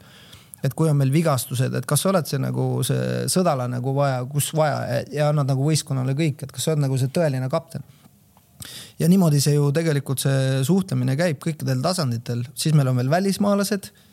Eh, kui nendel on seal mingisugune oma arusaam, e-, et ükski treener ei ole selle eest kaitstud, et sul ei või tekkida mingi täiesti tühja koha pealt mingi mängijaga nagu eh, mingisugune arusaamatus või isegi konflikt see võib olla mängija, kes saab vähem mängida, aga võib-olla ka mängija, kes saab kõige rohkem mängida. et Karlil ei olnud ju probleemi nagu sellega, et nagu mänguaeg, vaid pigem mingid nüansid sellega. ma saan aru, Miku, Miku, kui Karli see värk tuli sa oled jälle nii palju näinud oma elus, mis, mismoodi riietusruumis see asi välja nägi tegelikult ikkagi, et eh, meeskonna üks, no ma pean ikkagi ütlen üks, üks meeskonna nii-öelda noh, vundamendi jalgasid või tooli jalgasid ikkagi saadeti Kuressaarde. Hapu Lõhn oli riietusruumis või ei olnud või? no ma olen näinud selliseid olukordi oma karjääris võib-olla natuke liiga palju, et äh, need on lihtsalt sellised asjad, mida juhtub ja igas kollektiivis võib see juhtuda, seal on ainuke asi on see, et äh, läheme edasi, sellepärast et nii-öelda see suur pilt või see meie eesmärk on ikka sama, et äh, ja kui, sa teed seda, kui sa teed, kas, kas seal on mingi selline hetk, kus mängijad äkki saavad ka omavahel kokku, et kuule, Karl, võta kokku ennast, et teeme nüüd Slavaga asjad selgeks. on midagi sellist üldse tänapäeval või noh, teie satsis või? ei no ikka, ikka räägitakse, ma ütlen, et noh, see, ma ei tahaks nagu seda olukorda väga seda spetsiifilist olukorda nagu kommenteerida peale selle, mis ma olen varem näinud. ja ma ütlen, et neid olukordi on ja tuleb ka kindlasti veel, noh, loodame või ütleme siis mängijad, kellel karjäär on alguses, et neid olukordi tuleb ja neid tuleb igas kollektiivis. et tahes-tahtmata peab sellega kuidagi hakkama saama Äh, ja need, kes vanemad olijad olid, noh, me peame edasi liikuma, me ei, me, me ei saanud sinna olukorda jääda või seda siis otsust äh, ütleme siis, kas me jääme selles otsuses kahtlema või siis me ütleme, et selge otsus on tehtud, kõik, ega meil ei ole rohkem midagi teha ju. tegite selle äh, lihtsalt lõite pooleks, punktid saades mööliga ja punktid ilma möölita? ei löönud ah?, ei löönud. ei, ei absoluutselt mitte see, see, see olukord on noh, ma ütlen, natukene on nagu sellest võib-olla kontekstist ühtepidi nagu välja rebitud, et kõik teavad tema neid mängija omadusi, ta on hea mängija. mõnikord lihtsalt niimoodi juhtub ju kõik. ma toon ühe näite, näiteks pikad aastad noortekoondistes oli mängijaid, kes mängisid klubis niimoodi, et võrgud ragisid ja tuleb koondisesse ja ta on näost lumivalge ja sa vaatad, mis mõttes ma ei saa sellest ennast kätte midagi või siis nad hakkavad koondises mingeid jamasid korraldama ja siis mõtled, kuule, kas, kui ta teeb klubis siukseid asju, ei ole võimalik, et seda venda hoitakse seal, aga hoitakse või noh, näiteks. ja kuskilt ridade vahelt, kui see mängija on klubist lahkunud, siis mingi klubi treener või juht ütleb ja, ja meil oli ikka taga jamad. ma ütlesin, kuidas te tassite seda nagu pilpa peal seda sitta, et mis värk on siis nagu onju, et, et no ja meil nii väga vaja ja igasuguseid lugusid sul ja siis on sul mingid mängijad, kes tulevad klubist, ütlevad, et Karel, ma ei taha tagasi minna sinna, aga koondises on kõik hästi et see treener on lihtsalt mulle otse näkku ära ütelnud, et noh, noh, sa oled siin, mul ei ole midagi teha, sul on leping, aga ma pean su ära nagu kannatama. ja tuleb koondises ja mängib ja särab ja tal on nagu õnnelik ja siis, kui ta läheb ära, läheb nina norgus jälle.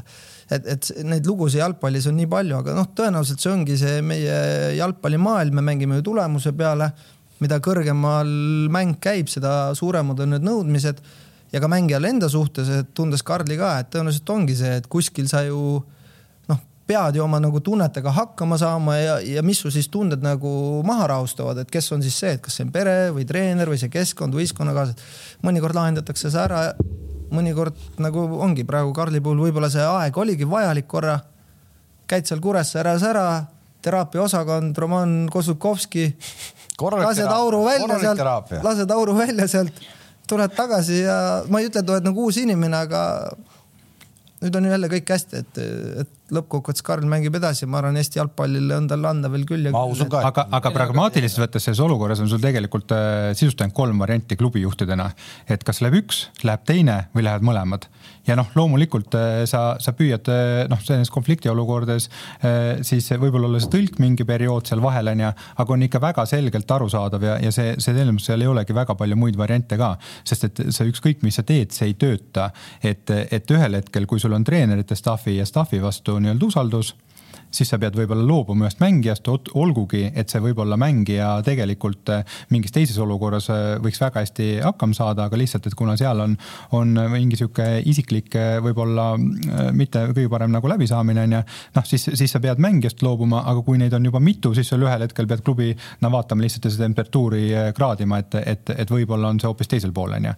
et noh, ja täpselt nii see tegelikult käibki, et aga samas te ei saa ju nende Kambja poistega, te ei saa ju nii-öelda need inimlik, poolt või kuidas ma ütlen, noh, millised inimesed nad on, nad võivad olla tehnilised ja kiired ja väga head, aga millised inimesed nad on, te ju ei saa teada selle lühikese aja. saame ikka. saate ikka või? no sellepärast äh, spo, spordi. Kams on harrastuspsühholoog sel,. sellepärast spordidirektori seal päevitamas käibki. Tambes käisime selle. Kams on selline, vaatasid ära, et need poisid sobivad või? ehk siis Pubakar Tambetuu, Ebrima Singateh, vabandust, kui ma need nimed valesti ütlen. praegu oled tubli olnud. Singa ja Tambe. Singa, Singa ja Tambe, et. Nad on täitsa okeid sellega ei, ma, ma tegelikult ma vaatasin nende, äh, mulle tundub, et see, see sealne kogukond jälgib nende tegemisi ikka roppu moodi palju, see, kuidas neile sealt saadetakse mingisuguseid tervitusi kuskil läbi sotsiaalmeedia, et me vaatame ja pange kõvasti ja see tekitab sellise nagu sügava tunde, et noh, vennad on nagu ikkagi nagu ongi nagu oma riigi saadikud või kuidagi sellised oma selle klubi saadikud nüüd mingis, mingis äh, välismaa satsis noh aga ega see on nii väike riik, et ega see täpselt ja. nii ongi, et, et tõesti jalutad äh, seal rannas siis äh, ühele poole mängivad jalgpalli teisele poole ja ikkagi seal tullakse ligi ja, ja juba nii-öelda noh, tuntakse ära, et Gert on seal ikkagi äh, spordimees siin ja jalkamees on ja, ja et ongi nii väike riik lihtsalt, et, et seal teavad kõik, kõike nii noh, kuni selleni välja, et nimepidi teavad ju neid jalgpallureid seal kõik, et ehk need on okei okay, vennad, nad on nagu kohanenud praegu. kas need on nüüd esinduskoosseisu vennad, need noored, kes siin tulid? ja nad treenivad esindusvõistkonnaga. Nad on tubli hästi mänginud ka ju. tegid nüüd kuus-null või eile või? Nad on kolm mängu nüüd mänginud. laupäeval. laupäeval. kolm mängu, kolm mängu on juba mänginud. laupäeval Levadiaga ma vaatasin, oli kuus-null jah? Äh, mängisid äh, Viimsiga ja mängisid PJK-ga, Pärnu jalgpalliklubiga. aga kus nad lõid, keegi lõi kaks ja keegi lõi kaks ja? nii ongi igas mängus on midagi löönud. Pärnuga ainult, kui me mängisime esimese mängu, siis ei löönud. aga, aga? tuleb korralikult sulatada nii jalgpalli kultuurikihti, meie ühiskonda, võistkonda ja minu, minul isiklikult nagu kannatlikkust jagub nendega. mis see kõige suurem nagu murekoht on? Äh, ma ei nimetaks seda mureks, vaid pigem seda potentsiaali, mis nendes on, on väga palju ja mõnikord, kui sa noh, ma ei tea, viskad kogenud kalapoksi, aga poksiringi sellise noore ambitsioonika, kes läheb nagu hõlmad laiali, siis ta võib seal noksti saada kohe, kui ta ei ole nagu veel kohanenud. aga praegu ongi see, et kõik see, kuidas kohtunikud vilistavad, millised on need mängustiilid, kuidas tullakse duellidesse, millised need nagu veidi klass äh, kehvemal tasemel need mängud on, kuidas äh, nende oma iseloom seal on peale kümmet minutit, peale kahtekümmet minutit, kui lööb kaks väravat, mis edasi hakkab saama, et kas äh, tekib mingi selline, mingid signaalid, et natukene võib-olla liiga joovastavaks läheb, et, et.... tahad sa tiibu kärpima hakata kohe või noorel mehel või? ei, ei vastupidi, aga parem las tulevad niimoodi sujuva hooga, kui kolinal ja rattad ja pollid mürisevad seal, kui alla kukub sealt kõrgelt see lennuk, et ma, ma näen, et need mängijad on hea potentsiaaliga, kuidas nad saaksid mitte olla, kui Gert nad ju välja valis, sealt, sealt esimesest valikust, aga veel kord äh, võib-olla see, mida meie mängijatele, kui meie Eesti mängijad lähevad välismaale, väga ei anta. et sind visatakse sinna katlasse, öeldakse, et nüüd ela ja kõik. mina treenerina ei usu päris sellise kolm siia, kaks nädalat mööda, Gerdi läheb, mis asja, tagasi järgmised. ei no teil on ikkagi mingi teine plaan ka nendega, te tahate ikkagi nad ju. tuleb kannatlik olla ja tunda, mõist-, mõista ka neid, et nende jaoks see jalgpallikultuuri erinevus on olemas just taktikalise poole pealt teatud harjumused on ju välja kujunenud, et selleks, et nad on saanud nii heaks mängijaks individuaalselt, on mingid teatud nende lugu taga. aga see lugu ei ole ju Eesti jalgpalli kultuurikihis olnud niimoodi, et tuleb korralikult nad sisse sulatada. seni, mis me näinud oleme, samm-sammult me läheme ilusti heas tempos nendega. ja varsti juba saab neid näha paremal tasemel ka, et ma, ma võib-olla lisaks veel nii palju juurde, et neid aspekte, mida tegelikult äh, ju seal äh, siis suunata ja, ja tegelikult millel tähelepanu pöörata on oluliselt rohkem, et need, millest Karel rääkis, on sportlikud, aga see hakkab tegelikult ju hulga kaugemalt pihta. et see hakkab sellest, et nad tulevad täiesti uude keskkonda, kuidas me neid siin käitleme, nii edasi, see on tegelikult klubi, kuna see on meil strateegiline otsus äh, ka välismängijatesse, panustada just välisnoormängijatesse, siis et laiendada oma mängijate nii-öelda hulka, siis, siis see hakkab tegelikult kõik sellest pihta, kui me selle üles seadme, kuni selleni välja, et staff peab oskama inglise keelt rääkida. et seal peab olema see kommunikatsioonivõimekus ja tegelikult seesama, et, et me klubina ja, ja treeneritena on see kannatlikkus olemas, et, et noh, me ei eelda nendel mängijatel, et nad tulevad ja kohe hakkavad lööma, meil on omavahel väga selgelt ära kirjeldatud, kui kaua me eeldame, et need mängijad peaks olema, millises aknas nad tegelikult peaksid liikuma kõrgemasse liigasse ja nii edasi, onju. et ja, ja noh, see protsess võtab aega, seda me oleme teadvustanud ja, ja noh, seal ütleme, et kuigi olen, olen ajas näinud, et, et ega spordimehed on kannatamatud, et eh, kui üks mäng ebaõnnestub ja me ei räägi ainult eh, välismängijatest, siis vahest tehakse ka kiired järeldused, see, et see, see mees on nagu noh, kehva onju. kuigi noh, võib-olla kaks mängu tagasi oli tegelikult väga hea, et seal tulebki vaadata ikkagi seda, seda pikka perspektiivi ja seal on ka loomulikult oluline veel see, et nad on ju tegelikult noormängijad ja noh, noormängijate kõver ei käi ainult ülesse, vaid noh, vahepeal teeb väikse nõksu allapoole ka, on mingi kehvem periood, tuleb jällegi olla kannatlik, edasi töötada, aga see on see, kas sul on see usk olemas. et kas sa tegelikult tead, miks sa selle mäng, mängija oled võtnud ja, ja, ja mismoodi teda arendama peab ja noh, see on midagi, mille poole me kindlasti äh, püüdleme. lihtne näide sulle lihtsalt, et kui nad siin meie treeningutega liitusid, läks, läks suureks mänguks vaata, aga noh me selliseid vigu ära ei võta, noh, et kui keegi natuke sind särgist tirib või, või, või siukse kergema vea teeb. pill oli no, pill oli lahti. no ei, pill ei olnud lahti, aga, aga, aga üks mängijatest läks, küsis Frolli käest peale nagu trenni, et kuule, kas teil vigu ei vilistata siin või? aga kui sa Kambias lähed, vaatad näiteks treeningut, väga palju aega treeningust kulub selle peale, et keegi on pikali maas, väga väikse kontakti peale, tuleb seal arst väljakule. see ei ole ainult Kambja viga, see on. ei, ei noh no. ja, aga sa noh, nende jaoks see oli kohe nagu uus kogemus nagu, et sulle pannaksegi keha, sul võitlus käib, onju, loomulikult me ei lase seal kaks jalga ees kellelegi sisse sõita, aga äh,. uus peatreener, millised karistused satsi toob? Et kõik teaksid ka nüüd siin praegu? praegu ei ole toonud ühtegi, aga Frolliga me rääkisime läbi ja ma ütlesin talle, et äh, need reeglid, mis seni olid, ta võib need rahulikult nagu üle vaadata ja kui ta tunneb, et kuskil on midagi vaja karmimalt nagu läheneda võistkonnalt, kas ta tunneb, et on vaja mingit ekstra distsipliinikäiku, et midagi on käest ära ta ütles, et ei ole vaja, et me peame need asjad nagu üle vaatama, see on ju võistkonna nagu sisene asi, et äh, mina peatreenerina ei seisa riietusruumi ukse taga ja ei ole ühtegi abitreenerit saatnud ukse taha valvama, et kas mängija tuleb kaheksa viiskümmend üheksa trenni või üheksa null üks. see on võistkonnasisene asi.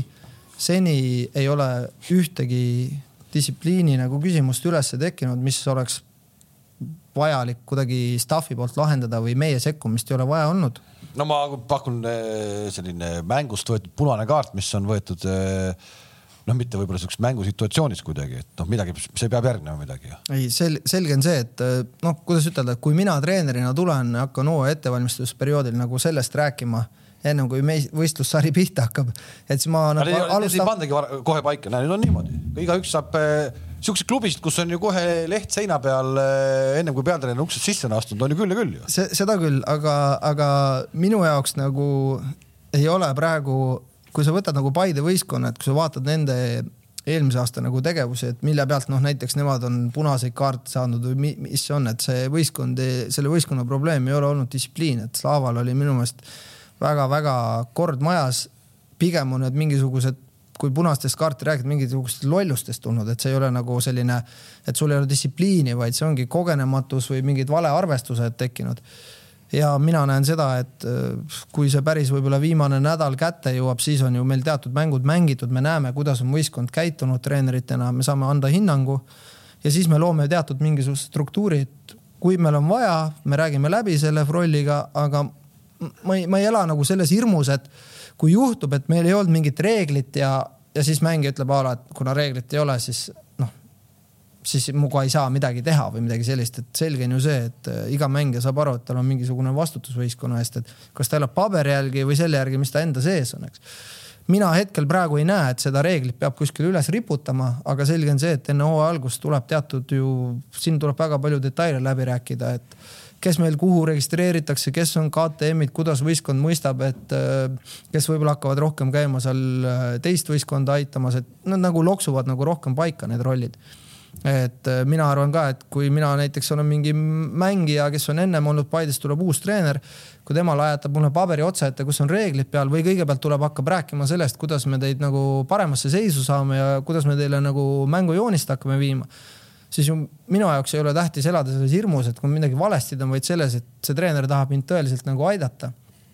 aga loomulikult kõik võib juhtuda alati mängijatega, aga ma ei tunne praegu, et et Paide linnameeskonna võistkonnas ja ka ma ei tunneta seda, et oleks eelnevatel aastatel olnud, et nende probleem on mingid distsipliini küsimused välismängijaid äh, klubis sina ei otsusta, kes tuleb, Kams käis valimas, võttis välja, sina pead nendega hakkama saama. Mööli tagasitulek põhimõtteliselt sina ütlesid, tuleb tagasi ja, ja nii ta on, eks ole, noh, teil oli leping ka taga. no meil oli taga leping, see oli ikkagi. Ats Sillaste toomine oli nüüd vähemalt, see on nüüd see, mida sina saad öelda, et Atsi tahan ka enda tiimi või ei taha jah, algatus tuli minult, aga kui oleks näiteks sarnane algatus tulnud Gerdilt või kellelt iganes, siis äh, loomulikult noh, näiteks Atsi puhul, kui ma poleks osanud ise tema peale tulla, mul oleks olnud ju väga hea meel selle üle. aga ma arvan, et ju noh, nüüd, nüüd ongi seesama, mis sa ütlesid, et me ju Gerdiga üksteist tunneme väga pikalt et ta ju tegelikult ka nagu tunnetab mingisuguseid tegevusi, et see ei käi ju päris nii, et näiteks Eroli või Robbie puhul, et nüüd noh, et Karel, et noh, ma ei hakka isegi küsima ja mis või Kaimari puhul, et, et me ju räägime need asjad läbi ja isegi kui ei, ei räägi näiteks, mis puudutab lahkujaid, kes lahkusid klubist ju mängijaid ja lahkus, siis minu jaoks on ka kuskil teatud see piir, et see on minu jaoks täiesti normaalne, et sa töötad äh, sportlikus klubis, kus ongi inimestel mingid teatud ülesanded ja rollid ja peatreener ei ole selline äh, mina olen nagu see kõige suurem inimene siin, vaid minu ülesanne on võistkonda ette valmistada, treeningprotsessi läbi viia, spordidirektoril on oma ülesanded. minu jaoks on ju täiesti nagu noh, isegi nagu noh, nagu respekt, et, et Gert tuleb ja nagu räägib nendel teemadel, mõnes klubis võib-olla öeldaksegi konkreetselt, näed, siin on sul see mäng ja, ja umbes tee oma tööd ja ära virise, et, et, et praegu tegelikult on minu jaoks nagu kõik nii nagu olema peab, et mis see siis on, kui näiteks tuleb kolm mängijat Kambiast, keda ma ei ole näiteks näit, varem näinud, eks ole. mul on kaks valikut, kas ma vaatan neid ja vaatan altkulmu nagu Gerdi suunas või ma vaatan, et kuulge, need, ma saan ju nende mängijatega väga hästi üles ehitada. kui mul on mingi mure, siis ma saan Gerdiga rääkida, okei okay,, kaua mul nendega aega on või, või, või kuidas see projekt välja näeb. aga mitte niimoodi, et kuule, et nad ei ole ju, nad ei asenda meil Henrit või nad ei ole ju need, eks ole. ja kindlasti Veiko ei ole mees ka, kes. inimesed saavad klubis aru sellest. ütleb presidendile, et kuule, ma tahan, et võtke see mees siin, et neid näiteid on ju ka, kus treener ei teagi üldse midagi ja spordidirektor ka ei tea, et tuuakse no,. oleneb, kui ta tahab särke müüa, vaata no just, ta tahab särke tuua sa vihjad praegu, et Klaavani särke müüdi palju, et see. no muidugi. Läks kõvasti. kõige no. rohkem Klaavani särke pidime me sel hooajal tegema, sest mees peale igat mängu jagab neid laiali. palju läks? kusjuures viimane ma... mäng ma nägin mingi noor poiss või isegi halliturniirilt on võimalik õngitseda, nii et on, poisid on. kohale kohale, kohale, Flora mäng oli juba üks ära. Äh, ma ei tea, need. sa ei vaadanud või? ma ei, ma ütlen ausalt, ma kuidagi tead. Äh, kohale ka ei tule. see on kuidagi kõik see minu arust on see on nii, ma ei taha vaadata ma, ma ootan ikka, kui ikkagi hakatakse nagu punkti peale mängima, ma jätan need taliturniiri mängud kõik, see on lihtsalt teile. mulle see tegelikult nagu see avaldus nagu täiega meeldib, sellepärast et ega me ju nagu segasin vahele mõttelaadile, aga point on ju õige, et, et mis sa siis sealt nagu saad, et kujutame ette, et me nüüd Florat oleks võitnud, ma ei vaheta Mihkelit välja, Ragnarit ei vaheta, hoian kümne küünega kinni, võidame, eks ole, hooaega pihta, saame ise neljaka Mi, mis see siis? ei, ma ei, ma veel kord ütlen, see jah, Tallinna turniir las ta kuidagi olla, et ta et, et mis ta on, aga muidugi nagu. aga domineerisite, ma saan aru, julgete öelda, domineerisite Flora vastu. see oli selline mäng, mille sa oleksid võinud äh, üks-null võita, sa oleksid võinud kaks-üks võita, sa oleks võinud kolm-kaks peksa saada. ei, aga Mihkel, minu, minu meelest on kõige parem, kui Mihkel ütleb seda, sellepärast et tema on ju näinud neid mänge nagu Paide särgis Floraga rohkem kui mina, eks ole. mina, mina olen üksteist aastat Floras töötanud, mina tulen sinna nagu kompleksi vabalt, et mina ei ole Paidega Florale treenerina no, niimoodi kaotanud, et, et kas, mida, mida nagu Mihkel tundis, eks ole, et mis oli enne mängu, kas oli pingelisem, vähem pingelisem, Flora tuli päris hea koosseisuga meie vastu, et ei olnud selline Ten avaldas seal midagi me..., viskab poisikesed meile vastu. et me mängisime hästi, esimene, esimene poolaeg oli, oli päris hea, noh tagant vaadata oli ilus, noh, ma olen näinud ju neid mänge nende uh,, nende vastu. tagant, tagant oli ilus vaadata, aga siis tuli Kostja lõi ühe ära, et noh. aga ma arvan, et me mängisime hästi, ütleme siis nende hooaja ettevalmistuste mäng, mängudest oli see üks kõige, kõige sisukam nagu mäng meie, meie poolt, et tagant oli ilus vaadata Veiko, eh, mitu korda Florat võidate sellel aastal? neli mängu, kaks võidame. kaks, siis vaatame, kas on viiki või kaotust. sellest peaks piisama ka meistritiitliks tulekuks, onju. ma usun küll et äh, päris, päris tore. mis, nagu, kui me nüüd läheme natukene hästi kiiresti, kell läheb nii kiiresti ka juba, mis sind kõige rohkem nagu närvi ajab, äh, kui me räägime Eesti liigast? liigast tervikuna liigast tervikuna, mitte meist endist. ma alati esimese asjana üritan ikka peeglisse vaadata, et. no me räägime nüüd Paidest praegu juba üle tunni. jah, et mis ennast ajab, aga äh, liiga osas ega mind tegelikult äh, väga ei aja, minu meelest liiga on arenenud nagu tervikuna äh, jällegi liigat juhivad täna inimesed, kes seda juhivad, nad teevad seda sellisel viisil, nagu nad teevad. ma arvan tõesti, et tervikuna liiga on ju hästi arenenud, et kui, kui ma mõtlen tagasi täna noh, circa kaheksa aastat tagasi või üheksa aastat tagasi, kui mina alustasin selle projektiga et eh, kus me täna oleme, siis noh, see mehed on nagu öö ja päev, onju. et eh, ma mäletan tollel hetkel eh, palkasin Viktor Metsa ja noh, siis oli ikkagi popp oli see, et treeneritel ei olnud haigekassa kaarti, palka said, noh, vahest said, vahest ei saanud, onju. ja, ja nii edasi, et noh, me kohe võtsime endale nagu põhimõtte, et noh, ma ei saa palgata Viktor Metsa eluaegset fantastilist treenerit ja, ja öelda talle, et noh, vaatame, kui millal palka saad, et, et no ma pean, pean treenerile esimese asjana looma selle fooni, et treener läheb õhtul perega välja, et ta saab nendele õhtusöögi osta või sõbrale õlle teha, et ei pea iga kord manguma, ütlema, et kurat, mul jälle palka ei tulnud, et äkki teed õlle välja, onju. et see oli nagu minu arust nagu esimene asi ja kui me vaatame täna aastal kaks tuhat kakskümmend kaks, et, et noh, siis meil peaaegu ongi äh, täisprofiliiga. et äh, loomulikult võib selle üle siin ilkuda ja nii edasi, onju, aga, aga tegelikult on meil ikkagi äh, noh, ka Paide on täna ikkagi põhimõtteliselt täisprofi sats onju.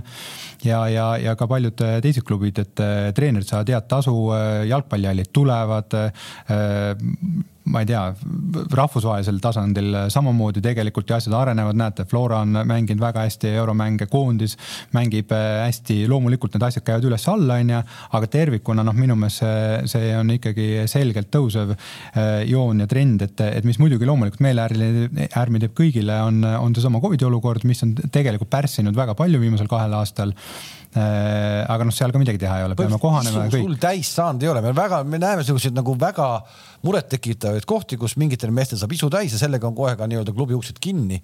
Äh, raha ei ole. sul isu täis saanud ei ole? Isu täis saanud ei ole ja ma ikkagi selles mõttes ütlen ka seda, et, et noh, konkreetselt tänase liidu presidendi suunal, et neid asju, mida meie oleme tahtnud, et ellu viiakse või, või selles mõttes noh, tõstatanud neid küsimusi, neid on ikkagi tehtud, kas aeg on alati olnud nii kiire, kui me tahame, aga noh, ega me oleme ise ka, et kui ma hakkasin üheksa aastat tagasi toimetama, mäletan väga hästi, olime liidus mingil, mingil esimesel koosolekul ja noh, küsiti, et palju siis publikut tuli, tuleb, noh, me seal Meelis Roobaga äh, täkku täis ikkagi ütlesime, et noh, noh, et esimene aasta vist pidi kohe tulema viissada keskmiseks on ju, et noh, täna kaks tuhat kakskümmend kaks ka veel ei ole viissada keskmine, aga selgelt see ühel hetkel tuleb, on ju. ja, ja noh, sellel, sellel isu täissaamisega on ikkagi see, et ma ütlen, kõigepealt ma arvan, me peame ise igaüks peeglisse vaatama, et kas me omalt poolt oleme parima ära teinud, et loomulikult on seal palju asju, aga veel kord, noh, ma ütlen, et kasvõi seesama jätkusuutlikkuse teema, et me oleme seda aastaid tagasi, ma olen ise dialoogkohtumistel korduvalt tõstatanud umbes viis aastat tagasi esimest korda, et noh, et joonistame selle mudeli välja. tahan saada top kolme, milline on mudel, milline pitsalõik on, millised need sissetulekud peavad olema, millised väljaminekud peavad olema, millele klubi peab tähelepanu pöörama, sellepärast et seda kultuuri ei ole. et noh, mina, ma olen ka jalgpalli küll mänginud äh, amatöörtasandil, et, et aga noh, selline klubi, klubi juhtimise kultuur ju äh, puudub, on ju, et, et, et noh, selles mõttes anda seda abimaterjali. aga et noh, täna on, näed, meil on ikkagi juba mingid solidaarsusmehhanismid mitu aastat toimivad ja nii edasi, nii edasi. ehk see järjest nagu läheb, aga loomulikult me tahame kõik ju alati nagu rohkem ja kiiremini, on ju. eelarvega lähete vastu millisega? Siin ikkagi käidi, Kalju käis oma numbri välja ilusti ja.... eelarvega lähme välja, noh, seal on vaada, vaja ka vaadata nagu noh, mitu perspektiivi, kas see on see ühe aasta eelarve või, või, või kuidas, et ütleme, et meie eelarve on seal kuskil ühe koma kolme, ühe koma nelja miljoni juures, kogu klubi eelarve. sinna hulka ei kuulu äh, naiskonda sinna kuulub äh, naiste, naiste jalgpalli täpselt nii palju, kui teda meil täna on et lihtsalt. seda peaks olema rohkem, me kuulsime, et te hakkate punkte kaotama, kui teil ei ole naiskonda välja panna. Kuni sinnamaani välja, et võetaksegi punkte maha liiga tabelis. okei okay, otsus või? nõus, noh, ütleme, et sellega on jällegi nagu see asi, et, et ma olen pigem ikkagi seda meelt, et noh, vaataks jälle peeglisse, et kas me siis oleme sellele piisavalt tähelepanu pööranud, et me oleme seda proovinud. ma saan öelda ka, et loomulikult võiks olukord parem olla, on ju, et me oleme küll paar katset teinud, ei ole need, need õnnestunud ja, ja noh, mina selle, selle kõik need KTM reeglid ja mis siin on, et, et ma seda nuttu ja ala väga ei jaga, et ma arvan, et ikkagi, et noh, et kui sul on kolmkümmend aastat või kakskümmend aastat vana klubi ja sa räägid täna, et, et noh, sul ei ole KTM-i, et noh, siis ikka vaata esimese asjana, peab ikka peeglisse vaatama, onju. et, et ja naiste tööga on natuke samamoodi, et ma arvan, see on õige remark, noh, kas peab kohe trahvima hakkama. ma arvan, et, et ju siis seda jõuab ka siin veel arutleda, aga no,. kohe hakkabki, mõne aasta pärast. aga kindlasti noh, meil Gert võib öelda, et meil on selle aasta üks peamine eesmärk on jällegi see, et, et klubi õigesti arendada on just organisatoorse poole tõstmine on ju. ja teine oluline märksõna on ka sportliku poole peal, noh, üks nendest on, on, kui me arvame, et näiteks esinduse meeskonna puhul meil on noh, kõik ressurss täna olemas seal ja kõik nupud paigas selleks, et tulemust teha, siis me saame koondada oma tähelepanu jälle millegi mujale, on, on äh, täpselt see naiste töö, noorte töö kvaliteedi tõstmine ja, ja loomulikult siis selle analüütika ja skautingu ja selle pro, poole nii-öelda edasiarendamine, aga, aga teistpidi ka seesama organisatoorse äh, poole järeleaitamine või. staadioni ehituse hanke võitja on juba selgunud? ei ole äh,, sisehall tuleb täna kohaliku omavalitsusega seal äh, räägime läbi, et kuhu ja, ja kuidas täpselt. aga, aga noh, ma olen suhteliselt kindel, et jällegi, et täna kolm aastat tagasi vaadata või noh, umbes perspektiivi, siis, siis keegi ei uskunud, et hallid Eestisse üldse tulevad kuskile onju. noh, kohaliku omavalitsusega, eriti väikeste omavalitsusega rääkides, noh siis sa kuuled ikka seda juttu, et, et raha ei ole ja, ja, ja seda ei ole ja seda ei ole, et, et aga ma pigem äh, ise ikkagi arvan, et, et klaas on alati pooltäis mitte pooltühi, et see staadion tuleb. ma arvan, et nii hall kui staadion on Paides valmis täna kolme aasta pärast. kas see juhtub kolme aasta pärast või nelja aasta pärast, noh saame näha, aga ta saab igal juhul valmis hakkame otsa kokku tõmbama, ma tahan lihtsalt, et eh, ma ei teagi, võtame eelmise aasta meistritiitli, kas seitsmekümne kaheksast punktist eh, meistritiitliks piisab uuel aastal või mitte? eelmise aasta meister siis teenis nii palju punkte? kolmkümmend kaks mängu oli. ma arvan, et eh, võib küll, sellepärast et järgmine või see hooaeg tuleb kindlasti tulisem. ta tuleb selline konkurentsivõimelisem Eesti jalgpallikultuur, ma arvan, peabki hakkama harjuma sellega, et väiksed võtavad suurtelt rohkem kui kunagi varem. sa isegi pead silmas neid väikseid, kes nüüd tõusevad praegu justkui avansina äh, liigasse? võib juhtuda kõike, sest äh, kui need päris, päris suured kaotavad seal äh, väiksematele klubidele ja vaatad nende eelarve vahes ja mängijate kvaliteeti vahes, et miks see siis meil ei tohi olla nagu loomulik, et äh, ma arvan, mingiks ajaks praegu Eestis on see aeg läbi, kus keegi võistkond tuleb Eesti meistriks niimoodi, et ta, ma ei tea, a la siin kolm mängu kaotab hooaja peale ja kaks viiki ja lüüakse kaksteist väravat, et meil oli mingi aeg nagu täiesti selge see, et kui Narva sõitis praamiga üle Kuressaarde, siis seal esimese kahekümne mitsaga oli kolm või kaks juba ja Krusnov ja Lipartov võisid pool ajal juba mõelda, et millal me need suitsud ette võime panna. aga ma arvan, et Eesti jalgpallist mingiks ajaks on see aeg läbi, et, et üks võistkond purjetab siin nagu kõigist üle, vaid kolm-neli vooru võid olla edukas ja pead juba valmis olema mingisuguseks tagasilöögiks, see tähendab seda, et need meistritiitli punktisummad ei pruugi olla nii väga kõrged. et kõik kaotavad punkte, me ikka veel ei lepi veel sellega, ei tahagi tipptreenerid ei taha leppida, et me kaotame neid punkte alumistele. aga tegelikult, kui sa lööd lahti kõik Euroopa liigad, siis kõik seal see- no Flora kõigi- kõigi..., Flora kaotas ainult ühe mängu, kaotas Jah. Kuressaarele jah aga, aga viike oli palju, eks Just. ole, et, et kõike seda nendega juhtub seal igapäevaselt, et eh, ma väga loodan või arvan ka, et, et see ei ole nüüd nii palju, et suured on järgi andnud, vaid vaikselt-vaikselt tulevad väiksed järgi ja nad lihtsalt. see on see Eesti liiga kurb asi, et sa mängid neli korda ja kui sa mängid neli korda ühe hooaja jooksul ühe võistkonnaga, siis seal on kuskil see nagu oih efekt on nagu olemas seal sees, et sa mängid kaks korda, siis see tõenäosus on ikkagi väga väike, et aga neli korda siis Viljandi tulevik mängis vanasti veel neli korda Floraga, see oih efekt on sinna juurde kirjutatud enne hooaega juba, nii et no aga taliturniir pluss karikas võid kuus, kuus korda ka panna veel rahule. taliturniiri jätame selle No tali-, aga- jätame selle taliturniiri et ehk siis kolmkümmend punktid kuus ei pea väravat olema kõrged. ilmselt vähem lüüakse onju ma saan Väga selle jutu järgi ma sain aru et selgelt vähem no kui ta seitseteist sellest võtab 17 järgmine aastaga ära läks juba ära sealt. no võtab ära juba. ehk kakskümmend viis kui kakskümmend viis tuleb, ma arvan, et see oleks hea, hea tulemus. nii ja spordidirektor oleks milline hea tulemus aasta lõpus Äh, ma arvan, et seitsmekümne kaheksast punktiks meistritiitliks ei piisa, sest et kolmkümmend kuus mängu on. Kakskümmend viis, ma arvan, on okei okay., ideaalis kakskümmend kaks. väravat palju numbreid sai räägitud ja, ja palju, palju jalgpallijuttu, et äh, vähemalt mul oli väga huvitav, et äh, muidu ma ainult pean seda Kamsi siin kuulama, sest Kams nii palju ei räägi, kui siin täna räägib. Kams julgemalt teinekord, näe siin või... kusjuures sa väga vähe küsisid küll Gerdi käest küsimusi., sa ei, no tal on kõik ära rääkinud. noh. sa ei küsi noh. Nii on, aitäh, te tulite, ma tõesti ootan juba uut hooaega, lõpetame selle taliturniiri ära, et saaks ikkagi õues mängida, kus saab palli kõrgele ja lüüa. siis tal tuleb see järgmine jutt, ilm oli nii külm, ma ei saanud tulla. muidugi, ma vaatan, Ei, ma vaatan- tal on see järgmine jutt. ma vaatan, ei aga Vara Tom saad aru, Vara, Vara Tom tuleb. Toomasel on minu meelest väga kõva varustus, et Toomas see, mis on- riietes ta Paides käib, seal ma vaatan, ükski ilm ei murra seda venda. aga sellist kasukat jaksavadki endale ainult osta. Saapad ka. tipp, tippettevõtete peadirektorid, olgu nad siis ekspeadirektorid saapad ka. aga. Toomas tuli, tõi uue teekannu ja näed, mis näed? sa Tee- tuled ka. no ma, ma toon, minu järgi, mina ütlesin, et selline uus teekann on vaja viia. jah, ühesõnaga jääme ootama siis äh, uut hooaega, enam pole palju jäänud äh,. veebruari kakskümmend, mingi oli ja superkarikas superkarikas jah, ja siis juba märtsikuus läheb lahti. esimene märts. super, aitäh, et vaatasite nädala pärast uuesti ja siis on siin äh, stuudios juba hoopis teised inimesed aitäh, nägemist. aitäh. tänud kutsumast